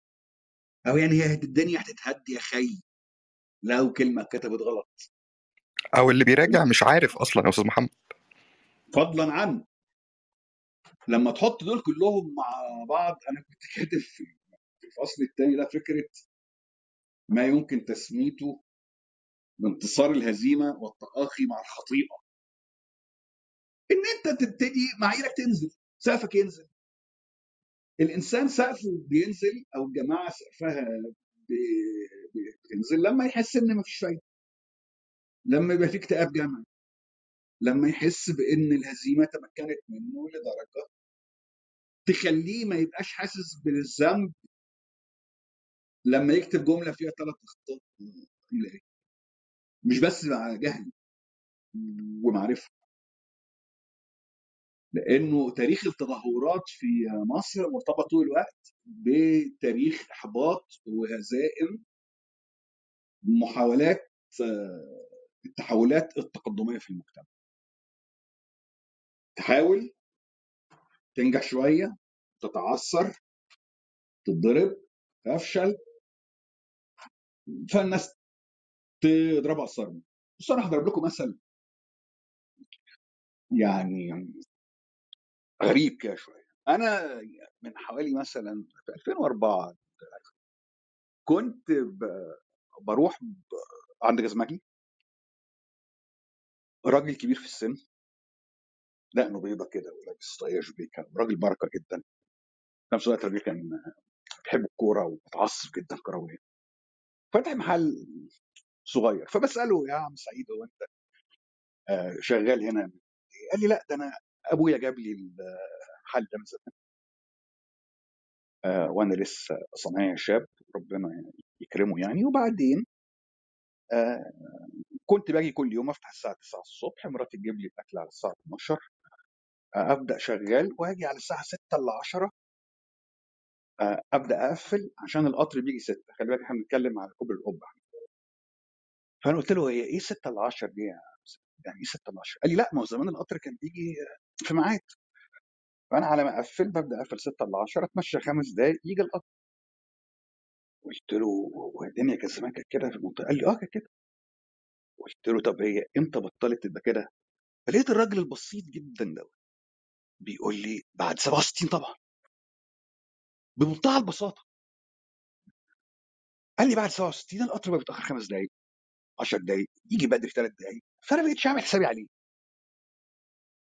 هذه الشهادة من رجل بسيط جدا من عوام الناس شديدة العمق حوالين معنى الهزائم ممكن تعمل إيه لو أنت ما لحقتش نفسك بعد آه كان في جزمجي في مصر في يونيو قبل يونيو 67 كان بيظبط ساعته على القطر ويبدأ يقفل 6 ل 10 وخمسة وكده. بس ما أعرفش إذا كان يعني المثل البسيط اللي أنا ضربته ده بيدي مؤشر ولا لأ؟ اتفضل. لا واضح واضح. آه. آه، ده جزء آه، جزء مهم جدا حتى أنت كاتبها في الفصل الثاني اللي هي سنة 67 آه، نقطة فاصلة للجربعة. آه، هو أنا بس عشان آه، أخلص م- أو يعني أتكلم على موضوع التعليم أعتقد يا محمد مع الإجراءات الاقتصادية لا هتنتج عنها آه، اختلاف اجتماعي أو تطور اجتماعي أو انحدار اجتماعي آه، لبعض لأغلبية الطبقات في مصر. موضوع ارتباط ال- الوثيق بالتعليم ده هيقل. آه، على وكمان التعليم دلوقتي بقى في مصر ما بقاش بقى حكومي بس بقى حكومي وخاص وجامعات أجنبية وكده ومدارس أجنبية وبأسعار يعني تفوق مس- مستوى دخل الأسرة المتوسطة يعني أو حتى فوق المتوسطة. آه، فأعتقد ال- الارتباط مع وجود منصات زي التيك توك اليوتيوب وغيرها اللي هي ممكن تجيب فلوس للناس بصورة أكتر يعني في مصادر دخل بقت أكتر. والناس ممكن تسيب الشهادة بتاعتها وتبقى YouTuber أو gamer أو TikToker أو كده يعني. ال- النقطة النقطة اللي أنت طبعا ذكرتها اللي هي نقطة 67 كنقطة حد فاصل. وفي نقطة تانية في الكتاب في الكتاب في الفصل التاني أنت بتقول إن إحنا كشعوب أو الشعب المصري تحديدا أو يعني من ال... دايما بيحن الماضي ما. سواء عاشوه أم لم يعيشوه يعني. الماضي ده الماضي يعني آه، يعني آه، بيشكل جزء من الحاضر والمستقبل بتاعتهم. آه، وكنت كاتب إن الأمم قليلة جدا والشعوب اللي بتمتلك سردية وطنية بتخليها عندها شعور بالاستعلاء والاستحقاق على الباقي. في الحالة المصرية الكلام ده واضح جدا. بتشوف أنت دايما مصريين يتكلموا حنين اللي هو يسموهم الكلمتين الجدد أو أبناء كلمة للحضارة الفرعونية أو في الحالة الإسلامية للخلافة أو في الحالة ال- ال- القومية العروبية لأيام جمال أيام الرئيس جمال عبد الناصر. فده جزء برضو يعني أنت كتبت في الآخر يعني التعبير الجميل آه، المصريين آه، أساتذة في احتراف أو عمالقة آه، في في احتراف النوستالجيا.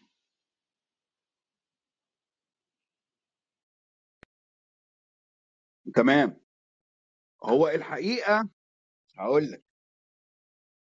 آم، مفيش ابدا لحظة تأسيس وتجديد بتبقى مصاحب ليها خطابات قايمة على الحنين أو الغرق في. ده رأيي. الحنين دايما للماضي مرتبط بالعجز عن التعامل مع الحاضر.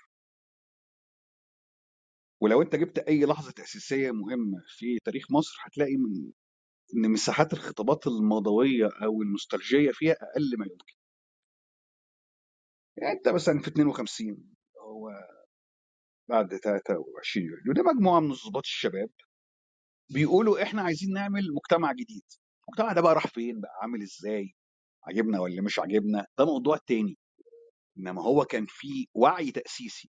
أنا عايز أعمل مجتمع جديد. وهو عايز يعمل المجتمع الجديد دوت حتى لو كان مجرد شعار. هو متحرر تماما. من كثير من المواريث لصالح الإجراءات اللي هينفذ بيها فعلا وحالا والآن كيف يمكن بناء مجتمع جديد. فهو في الأغلب معظم خطابات النوستالجيا مرتبطة بالعجز عن التعامل مع الحاضر ومع تحدياته والإحباط حتى من التفكير فيه. واللي عاش منكم أو كان طرف في 2011 أنا ما أعتقدش إن اللحظة دي كانت لحظة نقاشات لا في الفراعنة ولا في اللي بعديهم ولا في اللي بعد بعديهم ولا في الحاجات دي. ناس كانت بتناقش في مستقبلها المباشر حالا والآن وبكرة وبأيدينا. فهل الفكرة واضحة؟ آه. واضحة. طيب معلش يا نعيم بس آه، لأنه مهم جدا نروح ل 23 يوليو آه، وأنت ذكرت حاجات آه،. فترتك دي 23 دي بتاعتك. أنت بت... قاعد لا بص لا عندك فيها مش مذكرات ومدونات. لا ت... لا ما قبل كمان 23 يوليو. أعتقد النقطتين دول ما قبل 23 يوليو 23 يوليو نفسها وما بعدها نعيم كتب حاجات آه، بشوف إنها مهم التوقف عندها في الكتاب. بس قبل بس ما نروح الحتة دي بما إن إحنا كنا بنتكلم عن التعليم آه، كنت أنت يا نعيم آه، ذكرت فكرة الجامعات الخاصة وتأثير الجامعات الخاصة في مسألة الاجتماع المشترك آه، اللي انت وصفته بأنه تأثير سلبي على مسألة الاجتماع المشترك آه، في مصر. بمعنى آخر عشان أبسط ال- الفكرة إنه أنت كان عندك من من 15 سنة أو من 20 سنة كان عندك الأغنياء والفقراء بيتعلموا في جامعة القاهرة وبالتالي جامعة القاهرة كان المكان اللي ممكن ولد فقير يحب بنت من أسرة غنية ونشوف بقى انعكاسات ده في الحياة الواقعية أو حتى يتكتب مسلسلات وأفلام. من 15 سنة بقى عندنا في المجتمع المصري segregation. segregation بمعنى فصل كامل ما بين الطبقات الطبقات دي ما بتشوفش بعض. فأنت كنت ذكرت مثال لطيف جدا لما شباب في الجامعة الأمريكية من حوالي سبع ثمان سنين كده عملوا حاجة اسمها ال Egyptian Day اليوم المصري عشان يتعرفوا على ال locals وجابوا بقى ناس بجلاليب وباعوا فول وطعمية وتعرفوا على الأكلات المحلية في المكان اللي اسمه مصر اللي هم يعني أو المناطق الايه الشعبية التي هم ما زاروهاش أو ما عندهمش إدراك بأن هي يعني إزاي ممكن يروحوها حتى. فسؤالي كان عن إزاي أنت بتشوف إنه ال- ال- اللي حصل في مسألة التعليم في آخر 10 15 سنة أثر بشكل سلبي على فكرة الاجتماع المشترك في مصر؟ يعني هو ده للأسف كان حتمي إنه هيحصل نتيجة إنه الإنفاق على التعليم الحكومي العالي خصوصا آه، أو إدارته وإدارة موارده أو نوع الكادر والكفاءات اللي بتقوده في تدهور مستمر بشكل خلى حتى أبناء الطبقات الوسطى تعزف عنه.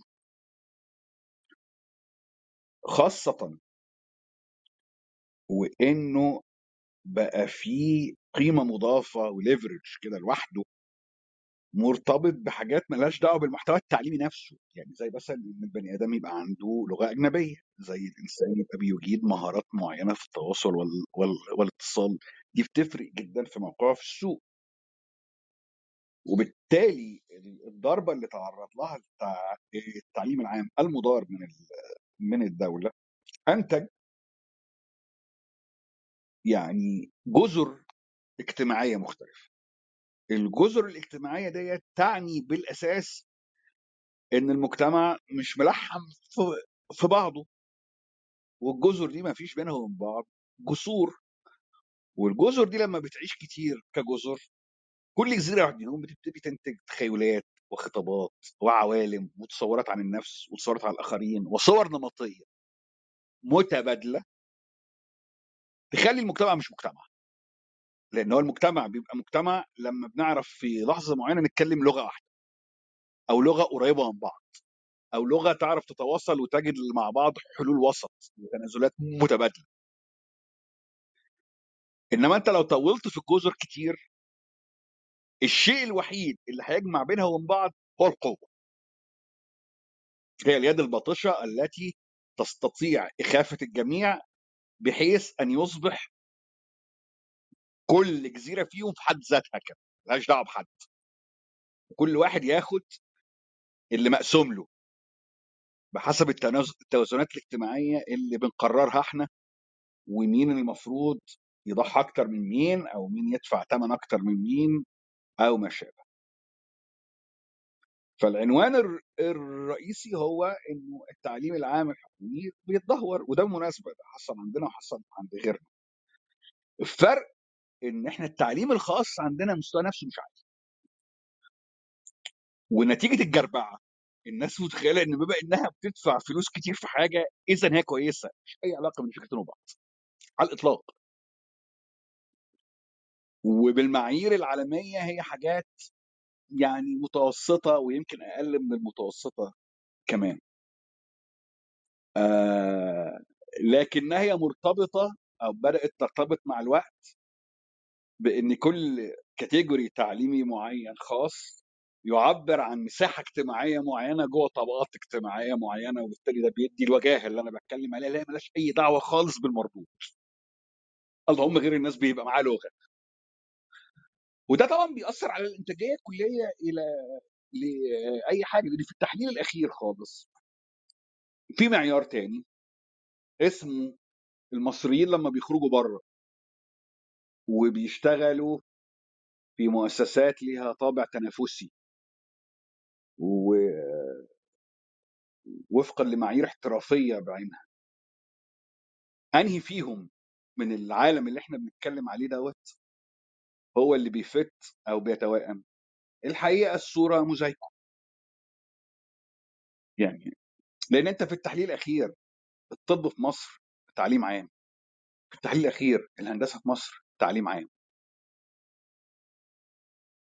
في التحليل الأخير القانون في مصر تعليم عام. فاضل إيه؟ البيزنس ماشي يمكن. بس يمكن ده لأن إحنا ما كانش عندنا أصلا النوع ده من الدراسة عندنا في التع... في التعليم الحكومي بتاعنا. يمكن المقصود بيه مثلا العلوم الإنسانية.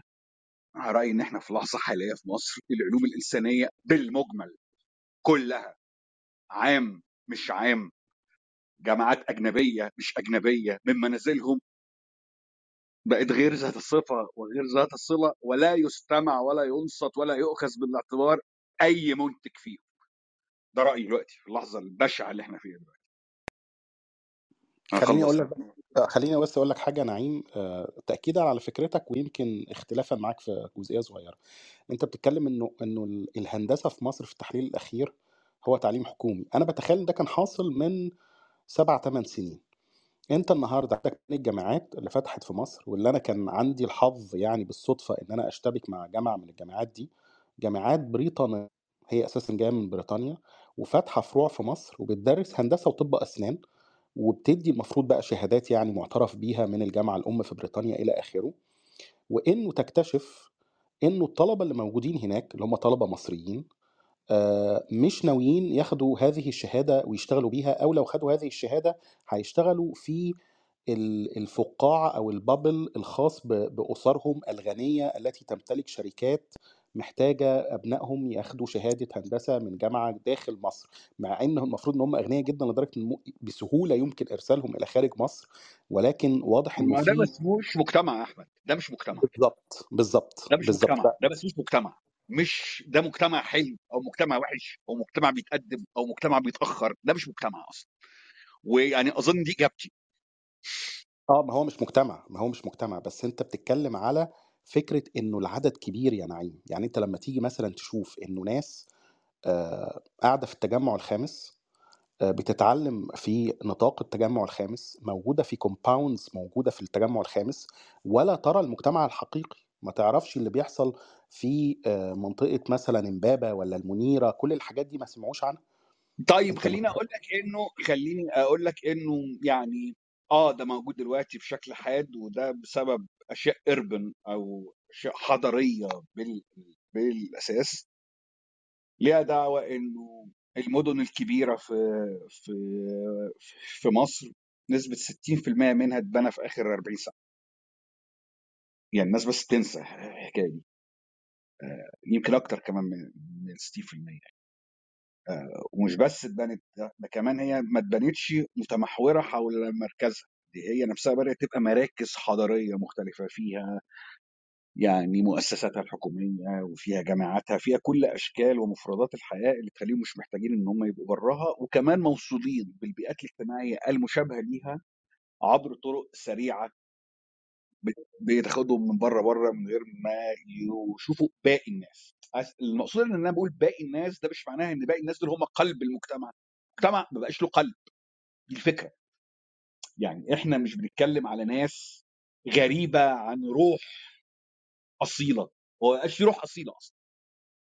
المكان فك من بعضه. وهو ده اللي يسترعي الانتباه. مش إن إحنا بنقول إن في ناس مش شايفة الحقيقة فين. هي الحقيقة دلوقتي مش واضحة أصلا. وعشان كده ده أنا بادئ بيك الكلام إن أنت عندك أزمة اجتماع من البداية. عندك أسئلة كتيرة ما بتتجاوبش نتيجة إنها ما بتتجاوبش أو لما الناس حاولت تجاوبها مع بعض اصطدمت صدمات خوفتها من بعض خلتهم يبعدوا عن بعض ما يكونوش بعض أصلا. نرجع تاني بقى للكتاب لأن موضوع التعليم أنا شايف إن هو خد أكتر من حقه بزيادة يعني. لو حد عنده سؤال أو لو حد من بره حتى أنتوا شايفين إنه محتاج يشتبك معانا هو إزاي يا أحمد؟ إزاي يا محمد؟ سوري آه نعيم إزاي 67 كانت نقطة فاصلة بالنسبة بالنسبة لك نقطة للجربعة الجربعة في مصر؟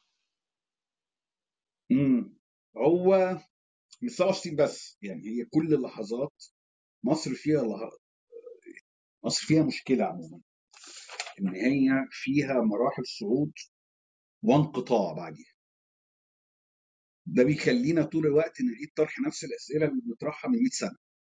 يعني أنت مثلا سنة 1904 ل 1905 الحركة الوطنية المصرية بتطرح نفس الأسئلة اللي إحنا بنطرحها لحد دلوقتي. علاقة عنصري الأمة وضع المرأة في المجتمع سؤال الأصالة والمعاصرة هي نفس حزمه الأسئلة بتطرح زي ما هي. ده معناه إن إحنا بنقعد 100 سنة ما بنجاوبش على الأسئلة. ده ليه بقى بيحصل؟ بيحصل إن أنت عندك حركة بتطلع تتهزم تتضرب يحصل انقطاع بيجي جيل كامل ما يطرحش الأسئلة دي ولا كأن في ناس قبليه عملت حاجة. وبعدين تيجي بعديها ب 20 سنة يطلع جيل جديد يطرح نفس الأسئلة تاني. شيء دائري واحيانا بيبقى يعني حزين شوية. 67 محطة من المحطات دي. لأن مثلا مصر بعد ثوره 19 ما كانتش بالضروره ثوره 19 تفضي إلى النظام أو الوضع اللي تأسس بعديه. على فكرة أنت ممكن بعد ثورة 19 كانت الجمهورية تعلن مباشرة مش في حاجة تمنع في رأيي يعني. كان ممكن سعد زغلول يقول لهم لا روحوا أنتوا جمهوريه زي تركيا ما حصلش.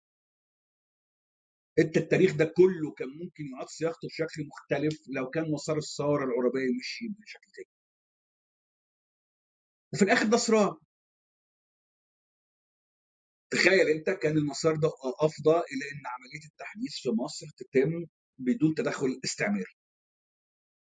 وبأسئلة محلية ومن طبقات مهيمنة واثقة في نفسها وما عندهاش إحساس بالتهديد من الخارج بس حصل اللي حصل.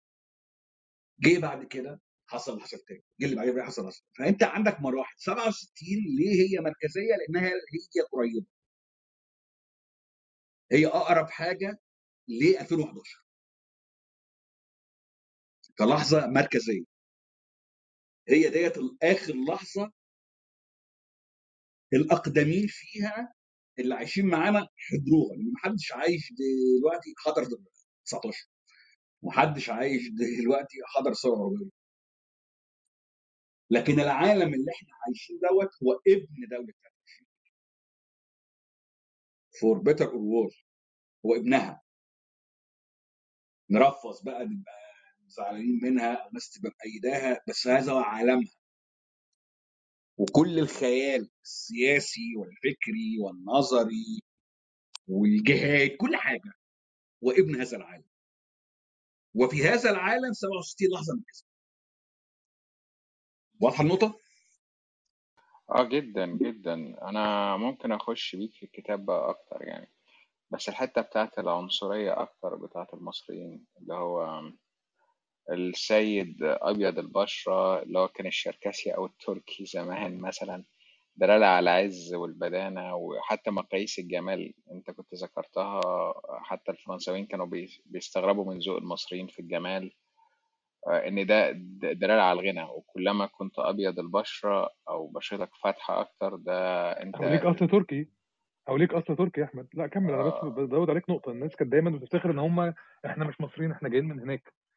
في في قرى في مصر متسمية على على أسماء قرى تركية بس بالعكس. في حتة في, في أعتقد في البحيرة اسمها دوربوك. هي ديار بكر قرية تركية أصلا. في حاجات كده كتير قوي هتلاقيها طول الوقت. أنت بت... أنت مش بس مكت يعني يعني أنت مهيت مع المحتل أنت بقيت شايف إن هو ده الفخر إن أنت جاي من هناك أنت مش مصري. كمل أنا آسف. الحاجة التانية غير موضوع البشرة آه، لون البشرة اللهجة القاهرية versus اللهجات ال- المحلية سواء مثلا في الفلاحين أو الصعايدة أو بدو سيناء أو غيرها. حتى أنت كنت ذكرت في الكتاب إن مثلا سعد باشا زغلول آه، يعني له ما له عليه ما عليه يعني في الأول وفي الآخر. آه، آه، يعني كان بيتكلم بلهجة كفر الشيخ مثلا. محدش آه، إحنا ما ما استمعناش لسعد زغلول يعني. محمد محمود باشا كان بيتكلم باللهجة الصعيدي بتاعته آه، اللي هو من أسيوط أساسا. بس أنت طيب. اتكلمت فيها اتفضل. طيب هو ده جل ده كله في جزء أنا مسميه شفرات التميز الاجتماعي. مصر بلد كبيرة جدا و... ومتكدسة. يعني الناس فيها عايشة جنب بعض الناس بتشوف بعض طول الوقت. في بلدان مصر مش مكان مترامي الاطراف بحيث إن المجتمعات فيه تبقى عايشة من غير ما تتقابل ده سبب إن الناس محتاجة كل يوم في تعاملاتها مع بعض تعمل لبعض فرز مستمر. عشان كل واحد يبقى عارف مقامه موقعه علاقته في هيراركي المجتمع والسلطة عاملة إزاي. فالشفرات دي إحنا اللي بنخلقها طول الوقت عشان عملية الفرز الاجتماعي والمراتبية تبقى واضحة. إحنا في الآخر عندنا إرث مراتبي آه، جاي من العالم العثماني ومن الاحتلال البريطاني. إحنا المراتبية عندنا بديهية. إحنا الدنيا عندنا بيه وأفندي وباشا وهانم وعندنا حتى ناس اسمهم أصحاب الحيثية. يعني هو حيث هو موجود. أنت متخيل؟ يعني اللي ما عندوش حيثية كأنه مش موجود. فأنت المراتبيه عندنا أصيلة جدا في وعينا وهي موروثة من اللغة التركية. وكمان جه الاحتلال البريطاني. وبريطانيا بلد شديد الطبقيه والمراتبيه في نفس الوقت ضربوا الاثنين في الخلاط طلعوا لنا ال- المنتج ده. وهنا لأنها شفرات مستمرة بتخلق بشكل مستمر في مجتمع سائل طبقيا والسيولة الطبقية والاجتماعية جزء أساسي من رحلة تحديث مصر. الناس طول الوقت حبه فوق وحبه تحت. نتيجة إن أنت ما عندكش تنمية رأسمالية مستدامة وطنيه ومتماسكة من غير تدخل من بره أو من غير نجاعة من جوه. فبيحصل حتى اللي إحنا بنناقشه اليومين دول هو بتاعت الناس اللي إيه ما بقتش عارفة تشتري كذا فقامت نازلة طبقة أو الناس اللي عرفت تشتري كذا فقامت طلعت طبقة. كما لو كانت طبقات بتتقاس كده يعني. نتيجة السيولة دي الناس محتاجة تفرز بعض طول الوقت. أحيانا الفرز ده بيبقى على الأساس واحيانا الفرز ده بيبقى مصطنع ف إحنا مثلا في القرن ال 19 وإحنا معظمنا فلاحين. إحنا كنا واعيين إنه التركي ده مش مجرد عرق ده كمان شغلانة. ده ده اللي موجود جوه الدولة. ده اللي في إيده السلاح. ده اللي بيسير الأشياء. فمن موقعه دوت بدأنا نشوف ملامحه كرجالة أو كستات معيار للعز معيار للجدارة. صورة نحب أن نكون عليها. لكن مع الوقت ده اتغير. لأن زي ما قلت لكم أبناء الفلاحين بقوا بهوات وبشوات ومتعلمين وظباط جيش. فمع الوقت اتخلقت صورة تانية. الولاد السمر الشداد. اللي ما كانتش موجوده زمان على فكرة. بس لما بقوا من الولاد السمر الشداد ولاد الفلاحين هم شركاء في القرار وشركاء في الطبقة الحاكمة اللغة اتغيرت معاهم هم كمان. فده اللي أقصده فكرة تغيير الشفرات. لكن فيها حاجات موروثة مستمره وحتى الناس بتمارسها من غير وعي زي اعتبار الشكل التركي ولا سيما للنساء هو المعيار الأساسي للجمال وبالمناسبه ده موجود عند الاتراك نفسهم حتى عندهم المصطلح بتاع بياس ترك أو اتراك البيض يعني. آه، لأن مش كل الاتراك بيض. لو في حاجة إن معظم الاتراك يشبهونا إحنا. بس الناس ما بتاخدش بالها من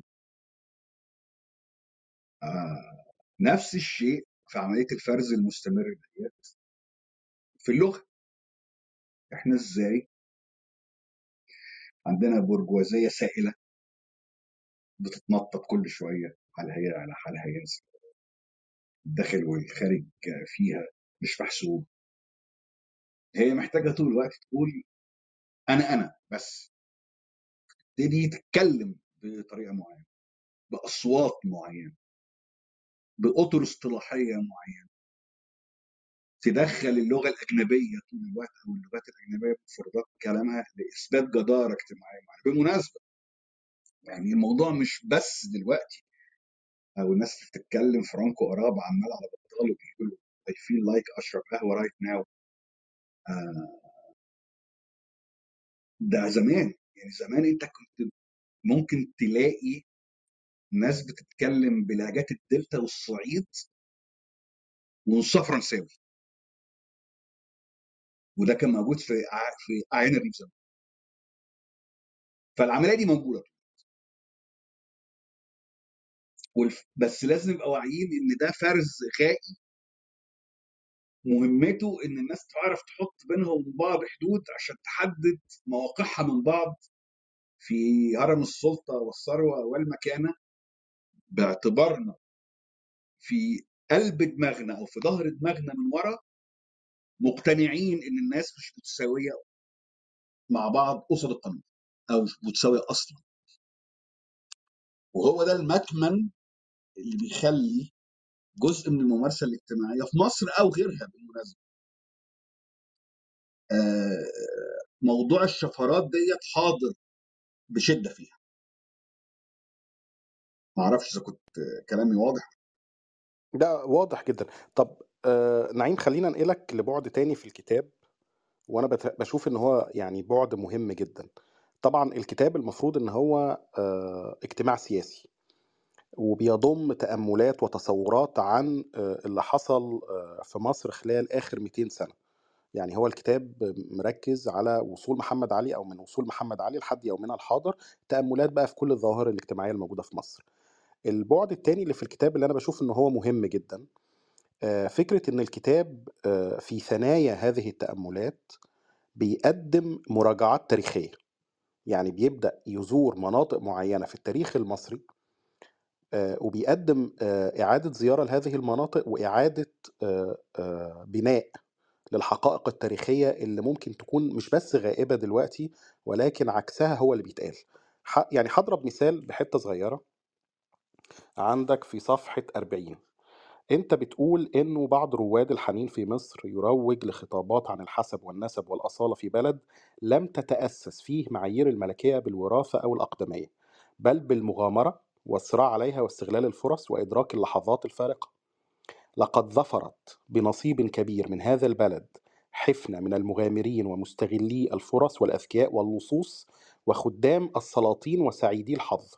علاقة المصريين بمفهوم الملكية الزراعية نفسه كانت قريبة جدا ولربما ينبغي على البعض معرفة أنه حتى إصدار اللائحة السعيدية سنة 1858 لصاحبها المغفور له الوالي محمد سعيد كانت ملكية غالبية الأراضي الزراعية في مصر لا تورث كحق مكفول وكان جزء معتبر منها يسمى بالأواسي والأبعديات والجفالك وهي أراضي منحها محمد علي باشا لرجاله وخدامه المباشرين أو تستزرع من الفلاحين لصالح الوالي مقابل كسور بسيطة من قيمة المحاصيل فكانت أنماط ملكية الأرض ذات طابع احتكاري للدولة. أنا طبعا في كلام كتير موجود في النقطة دي تحديدا ولكن آه، إزاي ممكن تفسر لينا فكرة التباين الكبير ما بين تصورات المصريين عن القرن ال19 آه، وما قبل 52 بس خلينا نمسك ال- الحتة بتاعت القرن ال19 وما بين الحقائق التاريخية اللي أنت بتستعرضها في الكتاب. أنا بتخيل دي نقطة مهمة ممكن لو تقدر توضحها لينا. والنقطة الثانية إنه إزاي اللائحة السعيدية وفكرة إنه لأول مرة المصريين يكون عندهم الحق في امتلاك الأراضي أثر على المجتمع وتطوره في مسيرة التحديث؟ طيب. خليني كده الأول بالبلدي وأرجع تاني لجوهر الفكرة الأصلية. أي مصلحة حاليه تبحث طول الوقت عن تأصيل ليها. فالمصلحة اللي موجودة دلوقتي اللي دايرة عشان تشرع نفسها لازم تقول إن هي أصلا كانت كده. ده هي طول عمرها كانت كده. وهي لا طول عمرها ولا حاجة. مصر في القرن ال 19 تأسست بمغامرات. محمد علي كان قائد يعني فرقة عسكرية ألبانية. وتاجر دخان. ده حتى ده فيلم رد قلبي لما كانت واحدة من البنات بتقول لأختها يعني إحنا لازم ما ننساش إن جدنا الكبير كان دخاخي ده حقيقة. لكنه كان رجل على موعد مع التاريخ. وكان شخص افانجارد شايف المستقبل. اقتنص الفرصه ده ينطبق على عالم القرن ال 19 كله. اللي تأسس زي ما قلت بالتعليم. اللي تأسس ببناء الدولة. اللي تاسس بالتحاق الفلاحين دول بالجندية وبالجيش اللي تأسس بالنهضة بالاستصلاح الزراعي. لما يبقى محمد علي دوت يعمل المهمة الكبيرة بتاع شق الترع وتنظيف المصارف وحفر القنوات. فالرقعة الزراعية في مصر تتضاعف تتضرب 100% فعدد السكان أصلا يزيدوا. بعد ما كنا في بداية الحملة الفرنسية معدودين 2 و3 أرباع مليون أو ماكسيموم 3 مليون. في ظرف 20 سنة بقى ضعفنا. بقينا 8 9 مليون. يبقى مستوى الصحة اتحسن. مستوى المعيشة اتحسن. اللي هو مناسبة كانت معيشة بشعة ساعتها بس ده بس على الناس إنها تتخيل قبل ده كان عامل إزاي. عشان كده كنت بادئ الكلام بالناس لا يمكن أن تتخيل. حال معظم سكان مصر قبل الحدث لا يمكن أن تتخيلوا أصلا. فالاصل إن العملية دي إنك لما 100% من الرقعة الاسرائيليه ده عملية بتقودها دولة بالتحديد. بتيجي لحظة بيتاخد فيها قرار من الوالي محمد سعيد الله يرحمه كان راجل عظيم بالنسبة إنه يأسس طبقة ملاك زراعيه العملية تمت يا إما بالشراء يعني الأسر الكبيرة بدأت تشتري ارض لكن في الأغلب تمت بالإنعامات أو بالإنعامات السلطة. فتم تأسيس أول طبقه للملاك الزراعيين المصريين بنسب وتناسب بين الإنعام وبين خصوصا إن كان عندك فائض أرض. والناس بقى بعد كده بدأت تستصلح هي كمان والملاك الجدد دول طوروا من أساليبهم. فالعملية مشيت. لكن جزء كبير يعني يتحط في الاعتبار كان انعامات. أنا مش فاكر بالظبط الرقم حالا بس هو اللحظة اللي أحمد عرابي فيها بينتفض ده كان عنده 700 شداد. 700 رفاعة الطهطاوي الذي هو رجل علم. في أواخر حياته عنده ما ما مجموعه 2000 فدان أنعم بثلاث أرباعهم عليه. في قرارين مختلفين. بنتكلم على آلاف الافدنه واخد بالك من الرقم. فجزء أساسي من تشكيل طبقة الملاك الزراعيين في مصر كان مرتبط بمدى قربك من الدولة مدى قربك من الحاكم. خصوصا إن النهضة دي تمت في لحظة كان فيها نظام الاحتكار. خدت بالك من النقطه أنا خلصت. طب يا نعيم آه، أنا برضه هكمل في الكتاب.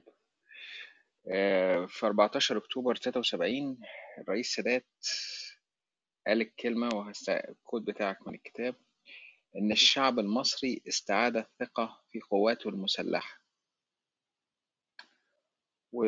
وذكرت يعني باختصار هقولها باختصار اللي هو فشل الانفتاح في عهد الرئيس السادات السياسي والاقتصادي لو كان في انفتاح سياسي أساسا.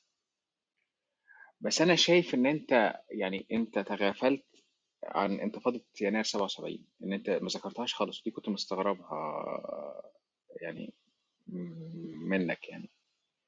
آه ليه؟ آه يعني أتمنى لو في إجابة. أنت عايز الأولانية ولا الثانية مش فاهم.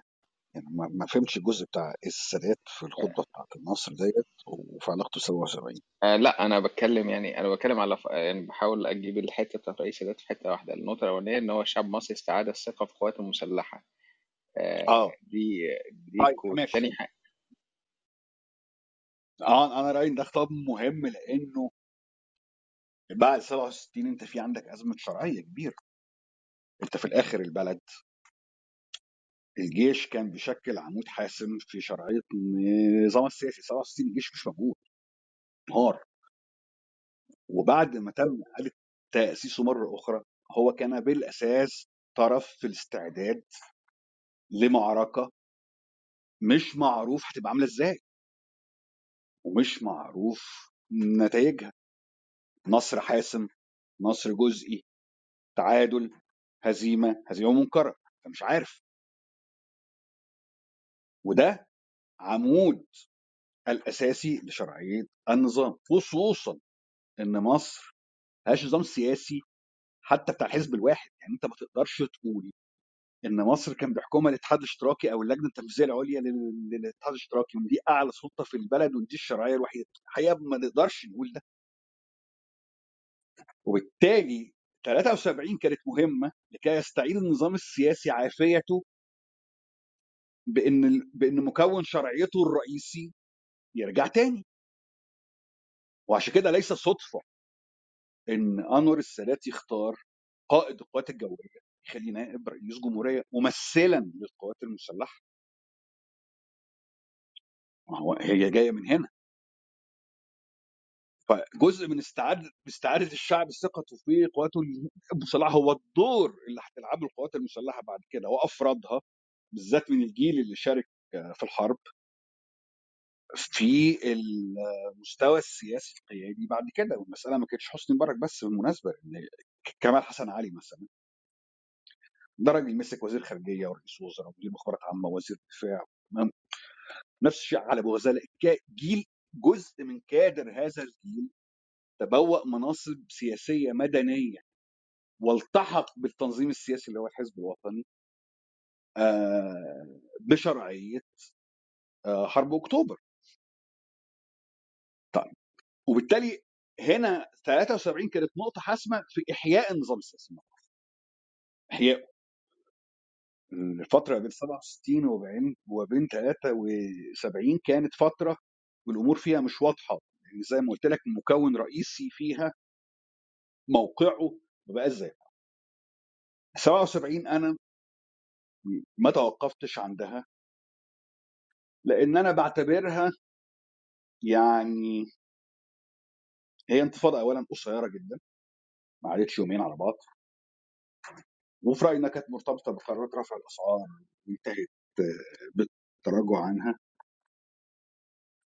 وإن هي كانت مرتبطة كمان بمحاولة الافتتاح من نظام السادات على المستوى السياسي والانتفاضة دي أحبطت هذا الافتتاح. يعني هو قبل يناير 77 على طول كان لا حالة الصحافة وحريه الصحافة وحالة السماح بالتنظيمات الاجتماعية والحزبية إنها تنمو كان التسامح معها أعلى. حتى انتخابات 76 اللي اتعملت كانت انتخابات يعني نزيهه إلى حد كبير. والناس كتير ما بتتوقفش عند الانتخابات دي. جت الانتفاضة ويعني والناس نزلت الشارع فخلقت نفس الحاله بتاعت إن أنت خايف من أوسع قطاع من الجماهير إنه يحدث فوضى على غرار حريق القاهرة اللي جابت انقلاب 23 يوليو أو 27 يوليو. فانتفاضه 77 زي ما هي كانت ملحمية على مستوى إن الشعب نزل قال لا. فهي كمان كانت انتكاسة على مستوى إنها خلت النظام يبقى أكثر قمعية. الديمقراطية تبقى أكثر صوريه آه وإنه يسرع بوتيرة يعني غير معتادة في اللحظة دي لعقد اتفاق منفرد مع إسرائيل. يعني هو أنت في علاقة مباشرة بين الاتفاق ده وما بين زياره القدس بعدها بكام شهر. آه لكن هي في المجمل ما أقدرش أقول إن هي حاسمة حاسمة في تشكيل العوالم اللي بعد كده. اللهم غير إن النظام في مصر ظل شديد التردد فيما يخص تنفيذ أجندة صندوق النقد الدولي وسياسات التكيف الهيكلي والخصخصة وده ما وسم عهد حسني مبارك طول الوقت. وما سمي بعقدة يناير الأولانية يناير 66 لحد ما جت يناير الكبيرة اللي خلقت عالم جديد. وبالتالي 77 بالرغم إن هي حدث مهم لكن أنا رأيي إن لو بنعمل مسحه تامه كده هو مش بالمركزية. ده رأيي. طب أنا ممكن أعمل لفة كده وأرجع لحاجة. وأنت بتتكلم على نقطة التمجيد ال... يعني الرجل الأبيض المرأة البيضاء والرجل ال... الأسمر أنا في فكرة كده كتاب كنت عايز أناقشها معاك شوية ممكن نرجع لها وأعتقد بعد كده أحمد ممكن يخش على مصر مصر فتره أقدم شوية. فكرة الحسد أنت اتكلمت على فكرة الحسد وارتباطها بثقافة التعايش اتكلمت على فكرة النيش عجبتني قوي لقطة النيش دي يعني. فلو أنت هتاخد هناك لو أنت عايز تفصل فيها شوية ممكن وبعد كده أحمد زكي يكمل. لأن الفكرة دي كمان أنا أنا محتاج أسمعها منك بشكل أوسع شوية. فكرة النيش وفكرة الحاجات اللي إحنا التمجيد مع ال... مش مع الظواهر إحنا بناخد حاجات إحنا مش فاهمينها أصلا. يعني أعتقد دي جاية يعني دي من المسائل اللي أنا كنت بحاول أبسط بيها فكرة الشفرات. هو أنا كنت عايزك تتك على فكرة حتة الشفرات دي لأن هي في ناس كتير حتى مش فاهم يعني أعتقد مش كل الناس وصلت لها. فلو أنت اتكيت عليها شوية أعتقد ممكن ده يعني أنا أصلا قصة يعني أو الكلام حوالين النيش وهو يعني هو في الآخر مبحث يعني في قدر من الطرافة يعني. هو إن إحنا فعلا إحنا زمان كنا فقراء جدا فما كانش عندنا ملكيات ليها طابع اقتناء. ما كناش بنقتني اشياء كان معظم الحاجات اللي عندنا ليها طابع استخدامي باستثناء أغنياء معينين في المدن بعينهم يعني. ودول في الأغلب كان بيبقى عندهم ما يسمونه في الوقت ده كنوز بيخبوها في الشكمجية أو يخبوها ما يحبوش الناس إنها تشوفها. ما كانش فكرة في عرض الاقتناء إلا للناس شديدة الثراء. شديد الثراء دول لما زادوا وبدأ المجتمع يلحم في بعضه بدأ الناس أو العوام يشوفوهم يخشوا بيوتهم. فبدأوا يشوفوا تحف مفهوم التحفه ده نفسه. وبدأ يشوف دواليب فيها معروضات ومقتنيات ليها أهمية ودلالة عند أصحابها. نتيجة ما يعتبرونه ثقافيا. آه، إن ده بيخليه شيء عالي الجودة أو عالي القيمة. فمثلا تخش مثلا بيت حد تلاقيه مثلا عنده النسخ عارض مثلا في في دولاب مثلا النسخة الأصلية من كتاب وصف مصر. أو حاطط لوحة آه، أصلية لفنان معين. دي, كانت درجات جديدة من تعقيد الاقتناء فلما الثروة زادت عند الناس وبدأت توزع بشكل ما وبدأت الطبقات الوسطى توسع بدأت هي كمان يبقى تخلق مفهومها عن الاقتناء الاقتناء بمعنى إنك عندك حاجة هي للعرض تعبر عن رفعتك آه، وذوقك أكتر ما هي شيء استخدامي وده لما تعمم أكتر وده بالمناسبة ده مش مصر بس. يعني حتى أمريكا وحتى فرنسا كده مفهوم النيش ده فكرة إن أنت عندك حاجة محطوط فيها أشياء ومعروضات آه، دي مش إحنا بس. دي بلدان كتيرة جدا. لما القدرة على الاستهلاك والامتلاك والتوريث زادت. ولكن لأنه الموضوع نزل شعبي. فالموضوع لما نزل شعبي بقى الاقتناء مرتبط برضه بأشياء استخدامية. زي ال... يعني زي الطقم الصيني زي الكوبايات زي فأنا إن بقصد أنا قابلت قابلت ثلاثة قابلت ثلاثة شربوا في حاجات من النيش؟ يعني أنا شخصيا شربت في حاجة من النيش في السر في السكرات يعني. وده شيء كان نادر جدا. أنا يعني النيش يعني بالرعب اللي ممكن يجي لطفل شاط كرة في النيش. يعني يعني ده ده فيلم رعب. أنا أنا خفت والله ما بهرج. هو أنت ما بتقربش منه؟ أيوه. ما بتروحش هناك. لأن لأن ده ملخص لاقتناء ف... فأنا ما بنتقدش ده بالعكس ده أنا بعرضه وبقول إن ده تاريخ علاقتنا بالاقتناء كع... كعوام لأن إحنا أغلبنا عوام. وب... وبتتبع بقول إحنا بقينا بنقتني إيه مع الوقت؟ وإيه اللي مهم بالنسبة لنا؟ إزاي إن إن مش كل الناس سافرت بره فجابت سن عاج ولا جابت آه، تذكار من أفريقيا ولا مش عارف إيه. وحتى قلت إنه في الأغلب دي كانت بتبقى غنائم لكن إحنا في الأغلب كنا إحنا الغنيمة. فما عندناش حاجة. ولما عندك بقى هو الفكرة كتاب وصف مصر بس انت النقطه بتقولها بتاعت إن الناس ممكن تتحول من اقتناء ال- الكتاب الأصلي لوصف مصر لطقم صيني من رواعي ده أنا المنظر بيضحكني جدا جدا. لا هم مش مهمته إن هو يضحكك هو يفهمك إن قد إيه فكرة الاقتناء بقت فكرة أكثر شيوعا. يعني الناس بقى عندها رفاهية الاقتناء أصلا.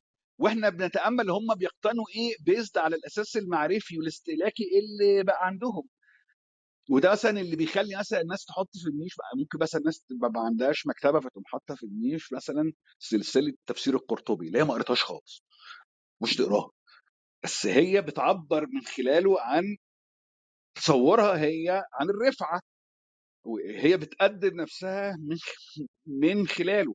فدي شفرة من شفرات إن إحنا إزاي من خلال شيء استعراضي مش بمعنى السلبي بمعنى العرض بنبين إحنا بننتقل إزاي من مرحلة إن إحنا كنا فلاحين؟ يا دوب عندنا اواني نحاس يا دوب يا دوب.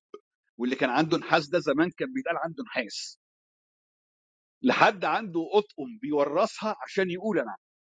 فاهم قصدي؟ وده مش شيء بغرض الانتقاد أو التقليل أو اعتبار ده تعبير عن صعود أو هبوط. ده تأمل في الشيء زي ما هو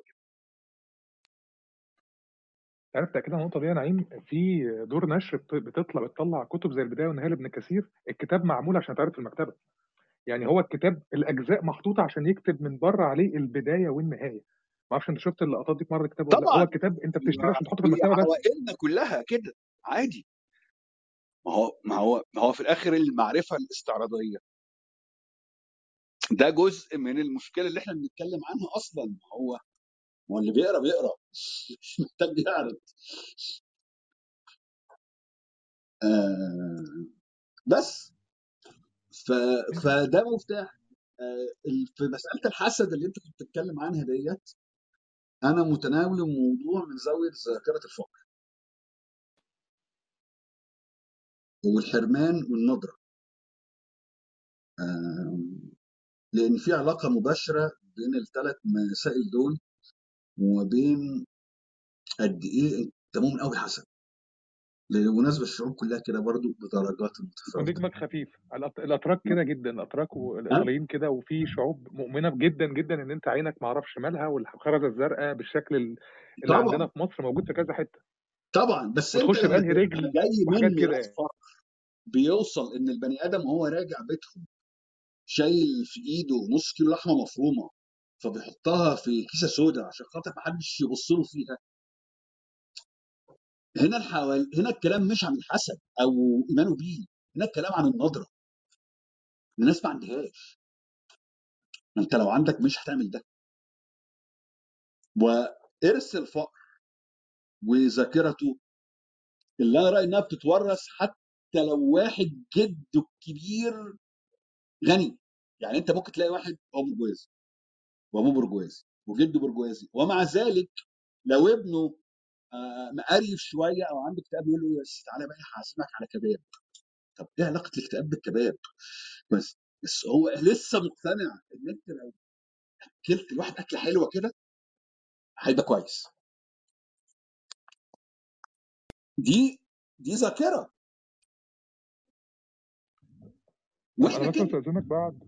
بعد ال... بعد ما نخلص الروم ممكن تبعت لي أماكن بيع الكتاب لأن في حد كان بيسأل على أماكن أماكن بيع في السعودية وحاجات من دول يا حاضر. ريت بعد ما نخلص بس بقى شكرا. اتفضل يا أحمد. اتفضل يا زكي شكرا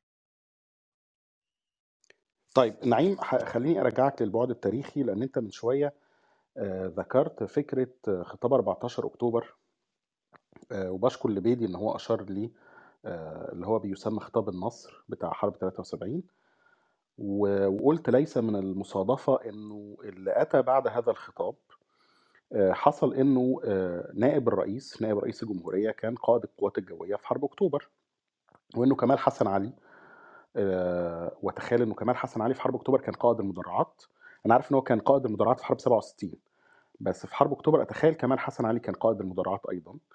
آه، هو بعد كده بقى وزير داخليه وزير خارجية آسف آه، بس أعتقد قبل ما كان وزير خارجية كان وزير دفاع يعني هو شغل كمان وزير دفاع وزير خارجية. المهم إنه قادة حرب أكتوبر أو السادات كان دايما يسميهم إنه جيل ثورة يوليو بيسلم الراية لجيل أكتوبر. فأنت ذكرت النقطة دي وقلت ليس من المصادفة إنه أزمة الشرعية اللي حصلت في حرب 67 آه، بيحاول بيحاول النظام يؤسس لشرعية جديدة في 73 طبعا ليس من المصادفة إن اللي كتب آه، خطاب آه، تنحي عبد الناصر في 67 اللي هو كان اذان أو إعلان رسمي بانهيار شرعية النظام هو نفسه اللي كتب هيكل هو اللي كتب خطاب النصر بتاع 14 أكتوبر اللي اتقال في مجلس الشعب واللي أشهر جملة فيه آه، الآن أصبح للوطن درع وسيف.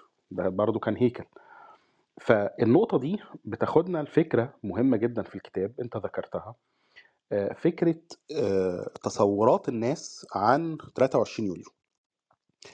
آه، انت في الكتاب ذكرت انه الحديث حول مسألة انه 23 يوليو قام بها الفلاحين ضد طبقة الإقطاعيين واللي هو بيتكرر في كل مناسبة لثورة 23 يوليو في ال social media ويتم التريقة على هذه الفكرة عن طريق فيلم إنجي وعلي ويتقال يا ريت كان مش عارف أخو إنجي قتل علي.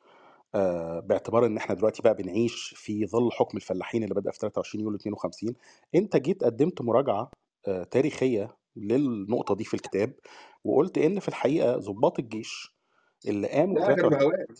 بهوات بالظبط آه، وإن مثلا عبد الحكيم عامر ابن خال لا كلهم آه، بهوات. أصل بص يا أحمد يعني أنا هاخد كلهم منك بهوات. ممكن؟ لا اتفضل اتفضل. دلوقتي هو إحنا في مصر عندنا برضو نتيجة إن إحنا في لحظه يأس فالناس متخيلة إن محدش بياخد وضع إلا وهو وارثه الحقيقة لأ إن الأوضاع بتكتسب. يعني هو مصطفى النحاس باشا على سن ورمح اللي هو كان قاضي جليل. وزعيما للأمة. ما والده تاجر خشب عادي عادي.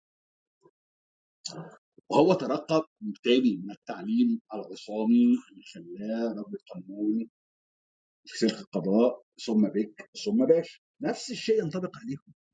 يعني وأنت في اللحظة بتاعه 23 ما هو لما يبقى في واحد زي عبد الناصر مثلا عنده بيت وعربيه هو بالمناسبه هو واثنين كمان بس اللي كان عندهم عربيات وسطهم كلهم.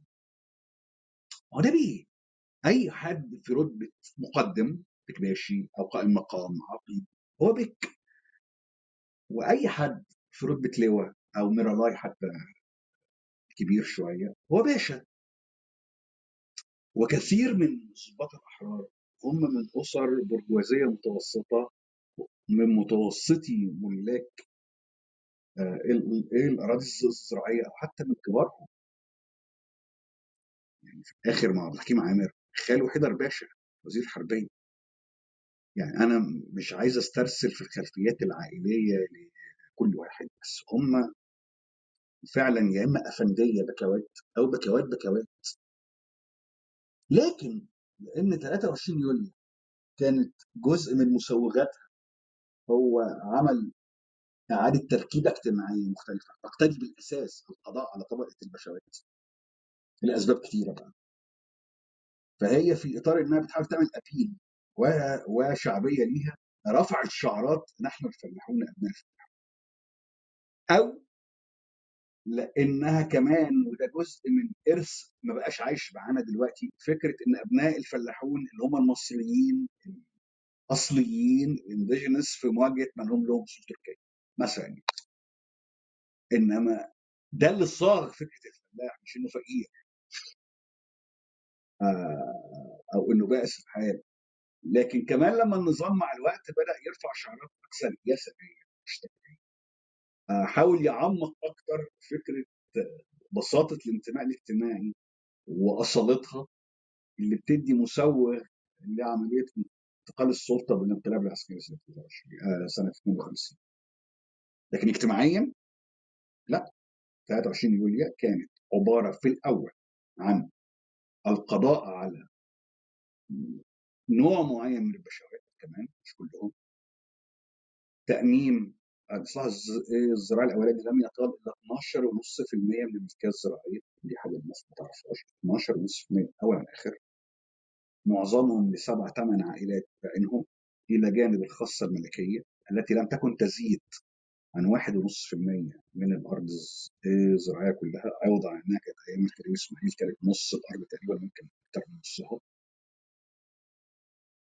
فالحقيقة إن الضربات التي وجهت في 23 يوليو ضربت لقطاع ضيق جدا من السكان جدا. ووزعت على قطاع مش كبير قوي. وهي كانت عملية جراحية من أجل تعديل الميزان السياسي الاجتماعي لصالح البكوات على حساب البشوات لكن الفلاحين يعني بسطائهم ممكن يكونوا حصدوا من المسألة ديت. ما يتعلق بالتوسع في مجاليه التعليم لأن كانت مجاليه التعليم بالمناسبة كانت موجودة قبل كده.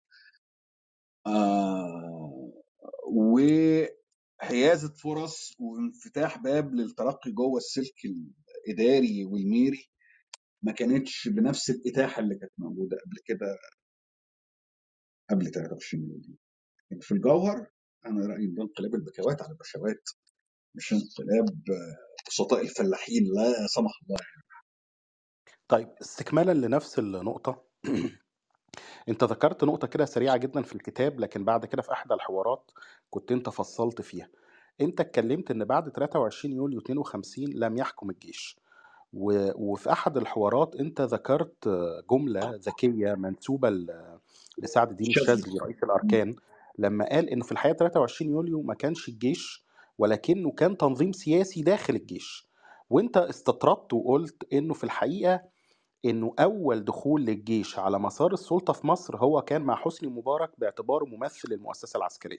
صحيح.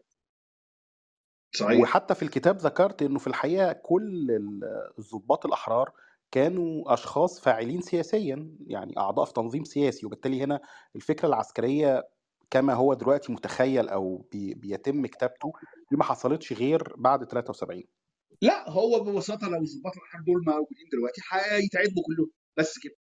يعني اعداما. نقطة من أول السطر. لازم الناس تبقى حاطه في الاعتبار إن في risk يتاخد من ناس هي في أوضاع وظيفية واجتماعية جيدة. الر- ال risk ده كان ممكن يكلف حياتها. والريسك ده كان دوافعه سياسية ودوافعه مش هقول وطنية بس ليها دعوة بالفكر ليها دعوة بإن الناس عندها ما بين الطموح وما بين الانحياز. والحقيقة فكرة تنظيم سياسي من داخل الجيش هي دقيقة. آه لأن هو كان تنظيم سياسي من داخل الجيش. ما كانش كل الجيش. في جزء من الجيش وفدي وجزء من الجيش مع الملك. لكن هذه العصبه السياسية العسكرية وهي سياسية بقدر ما هي عسكرية بتنتمي إلى الوطنية المصرية بمعناها العام ولكن بشقها ذو النزوع السلطوي. والنزوع السلطوي في الوطنية المصرية مش مرتبط بس بالعسكريين مش بس الناس واضحه يبقى واضح قصاد الناس في نزوع سلطوي وفكره ان الحكم من فوق بقبضة حديدية عشان ده شعب جاهل وإحنا المفروض نربيه من الأول بلا بلا بلا بلا دي مش مسألة عسكرية فقط. إسماعيل صدقي كان مؤمن بدع عالي وهو ما كانش عسكري. وقطاع كبير من الساسة المصريين وكبار رجال الدولة كانوا مؤمنين بدوت. ومؤمنين ده يتم من خلال القصر. فتبقى مصر على جرار شهريان مثلا. فبس يعني إيه عشان الخطوط بتخش في بعضيها وهو تنظيم سياسي من داخل الجيش لأنه صفة ترقي الناس جاية من وضعهم جوه هذا التنظيم الس- السياسي مش من مش من وضعهم داخل الجيش. يعني أنت في الآخر مع الحكم رتب وسيطة. حتى لما تم تصدير محمد نجيب هو تم تصديره مش لأنه مجرد لواء كبير. أو لأ ده كمان عشان مواقفه وانحيازاته وآرائه.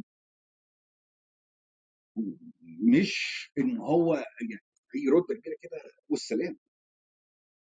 فهو ده لازم يتحط في اللعبة.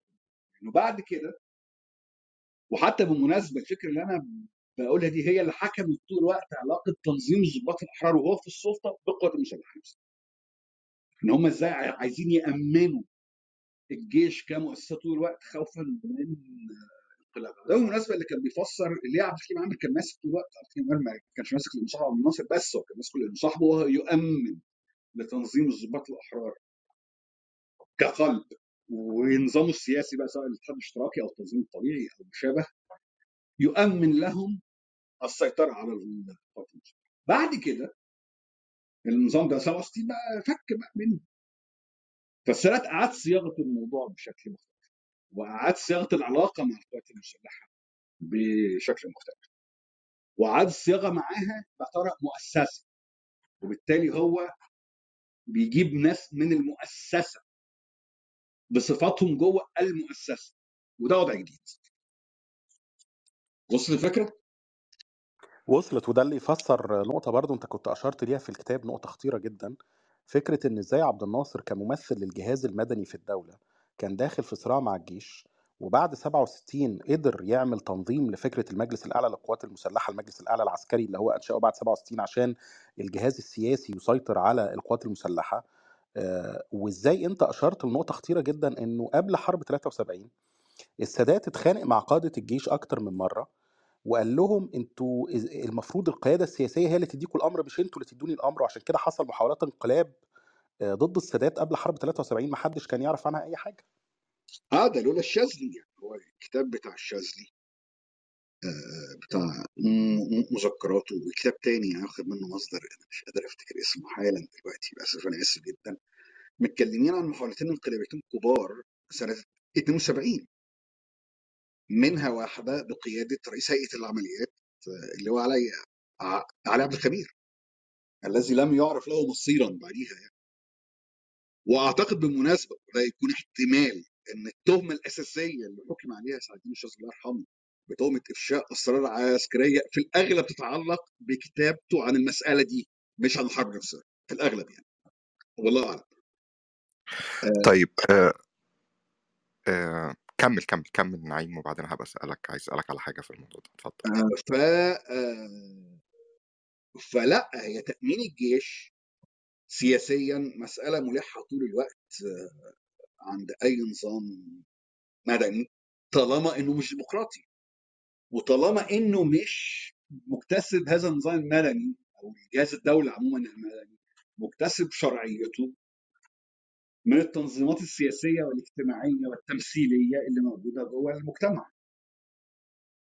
ده بيخلي مهمه تأمين الجيش والخوف من انقلابه وتقديم تنازلات مستمرة ليه مسألة مهمة وحاسمة آه للحفاظ على معادلة هي في الأغلب هشة. خلصت اتفضل. طيب آه، إلقائك للضوء على الدور اللي لعبه محمد علي. وأشرت حتى للدور اللي قام بيه في تطوير الزراعة من الري والقناطر واستصلاح الزراعة واستصلاح ال- المساحات الزراعية وكمان كان ليه دور كبير في الصناعات زي الغزل والنسيج وافتكر تكرير الزيت والسكر والحاجات دي كلها والأسطول البحري والأسطول العسكري والتعليم وأنت أشرت كمان لموضوع ودوره في موضوع التعليم. وبعدين رجعت واضح جدا إن انك قارئ لمذكرات سعد الشاذلي. أنا ليه بقول حتى فتحت المايك على طول أول ما اتكلمت على كتاب سعد الشاذلي؟ لأنه واضح إن بتلقي الضوء على آه، زي ما قال آه، زكي بتلقي الضوء على فترات آه، متباعدة في تاريخ مصر وبتحاول على قد ما تقدر إن أنت تقف موقف المحايد الموضوعي في سردك وتحليلك لل... للأمور. بس ده بيتناقض مع فكرة آه، فكرة أنت قلتها برضو في أول الروم آه، والحقيقة أنا ما حبيتش أسأل فيها ساعتها وقلت آه، يمكن هو حداثي شوية. الفكرة كانت إن كل ما بندور في التاريخ أو بنسترجع قراءة التاريخ حتى لو التاريخ الحديث والحديث هنا المقصود بيها يعني من 50 ل 200 سنة ده معناه هروب من الواقع.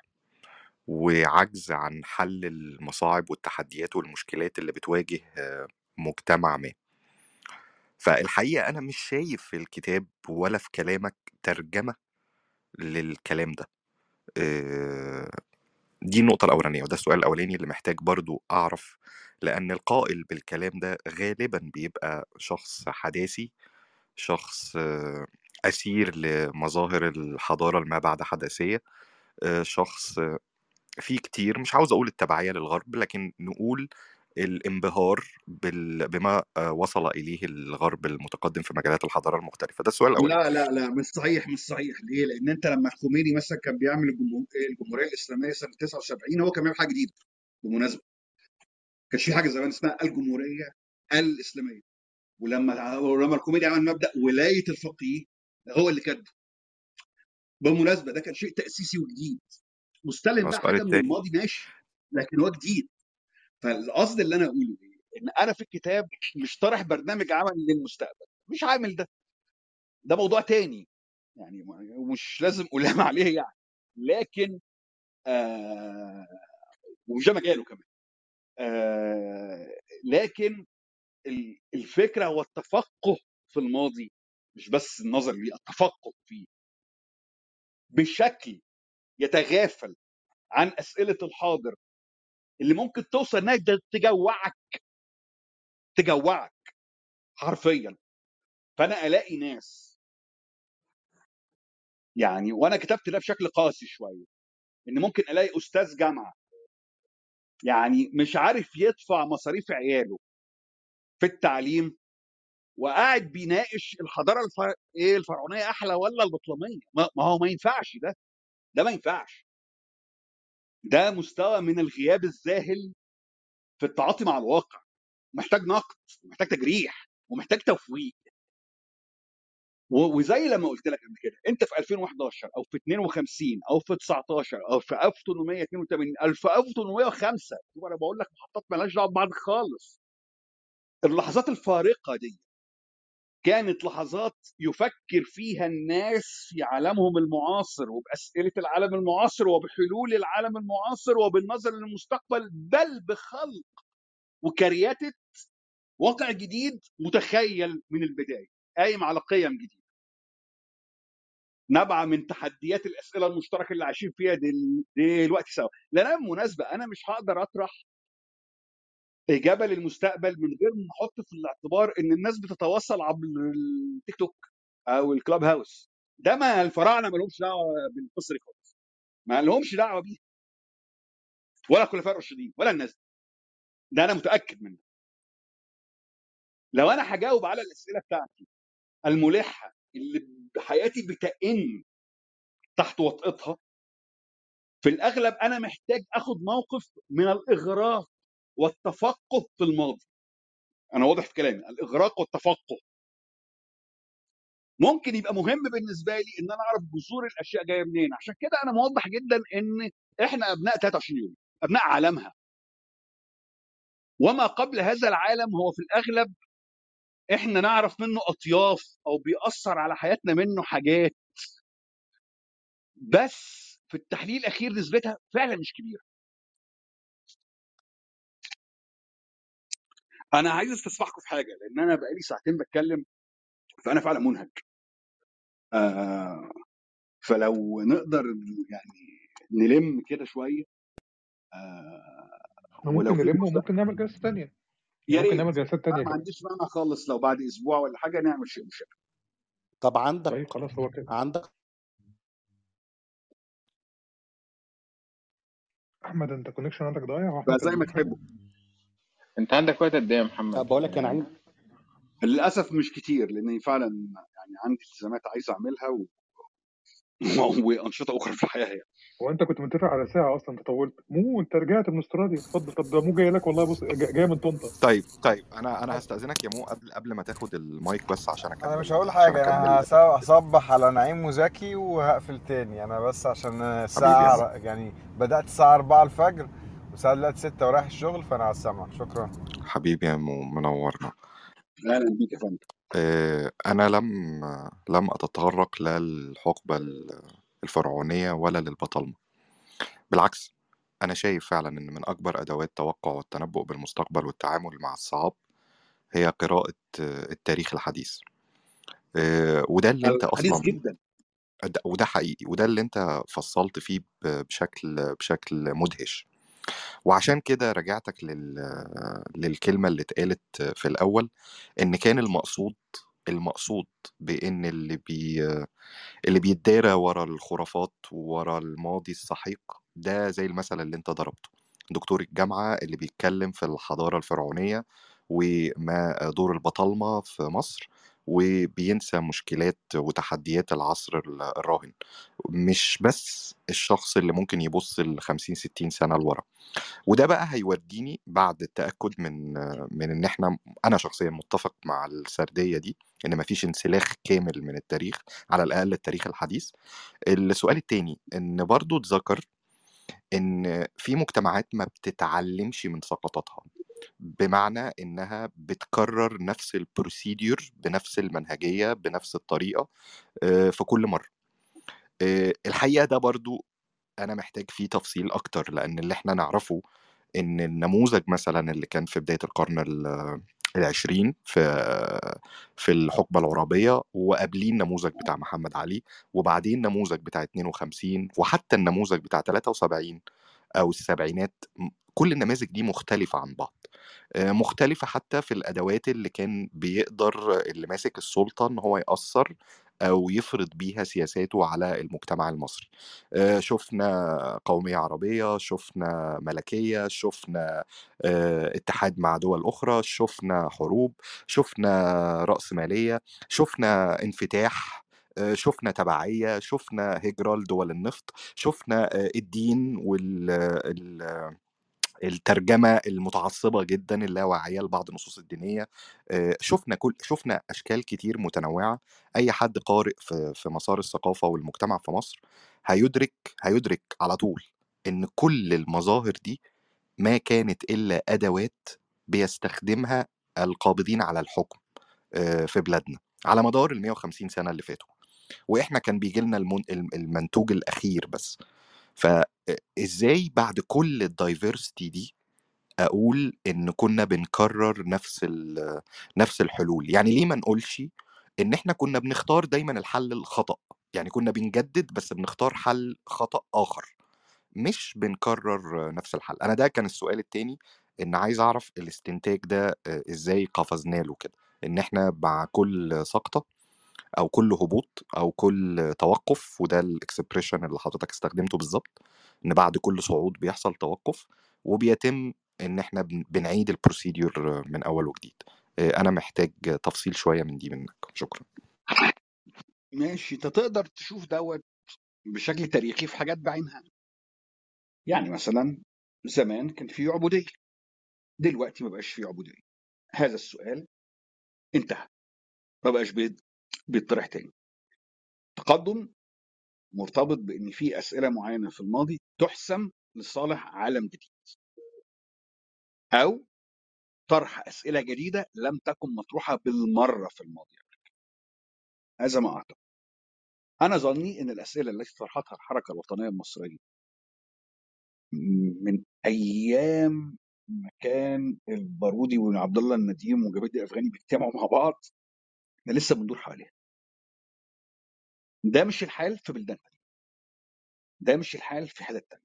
وده معناه إن أنت في منجزات معينة لم يقطع بإنها اتعملت عشان نخش في المرحلة اللي اللي بعديها. وده اللي مخلينا ماشيين بحمولات مستمرة.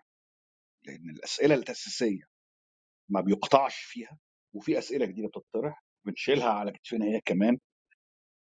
فبقى على كتافنا يعني أحمال ننوء بها يعني. آه وإحنا أسئلتنا هي أسئلة التحديث الأولى. ببساطة وبالبلدي هل الناس متساوية مع بعض ولا لأ؟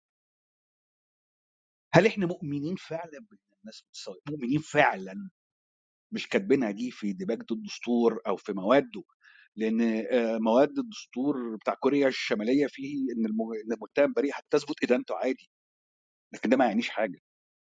هناك.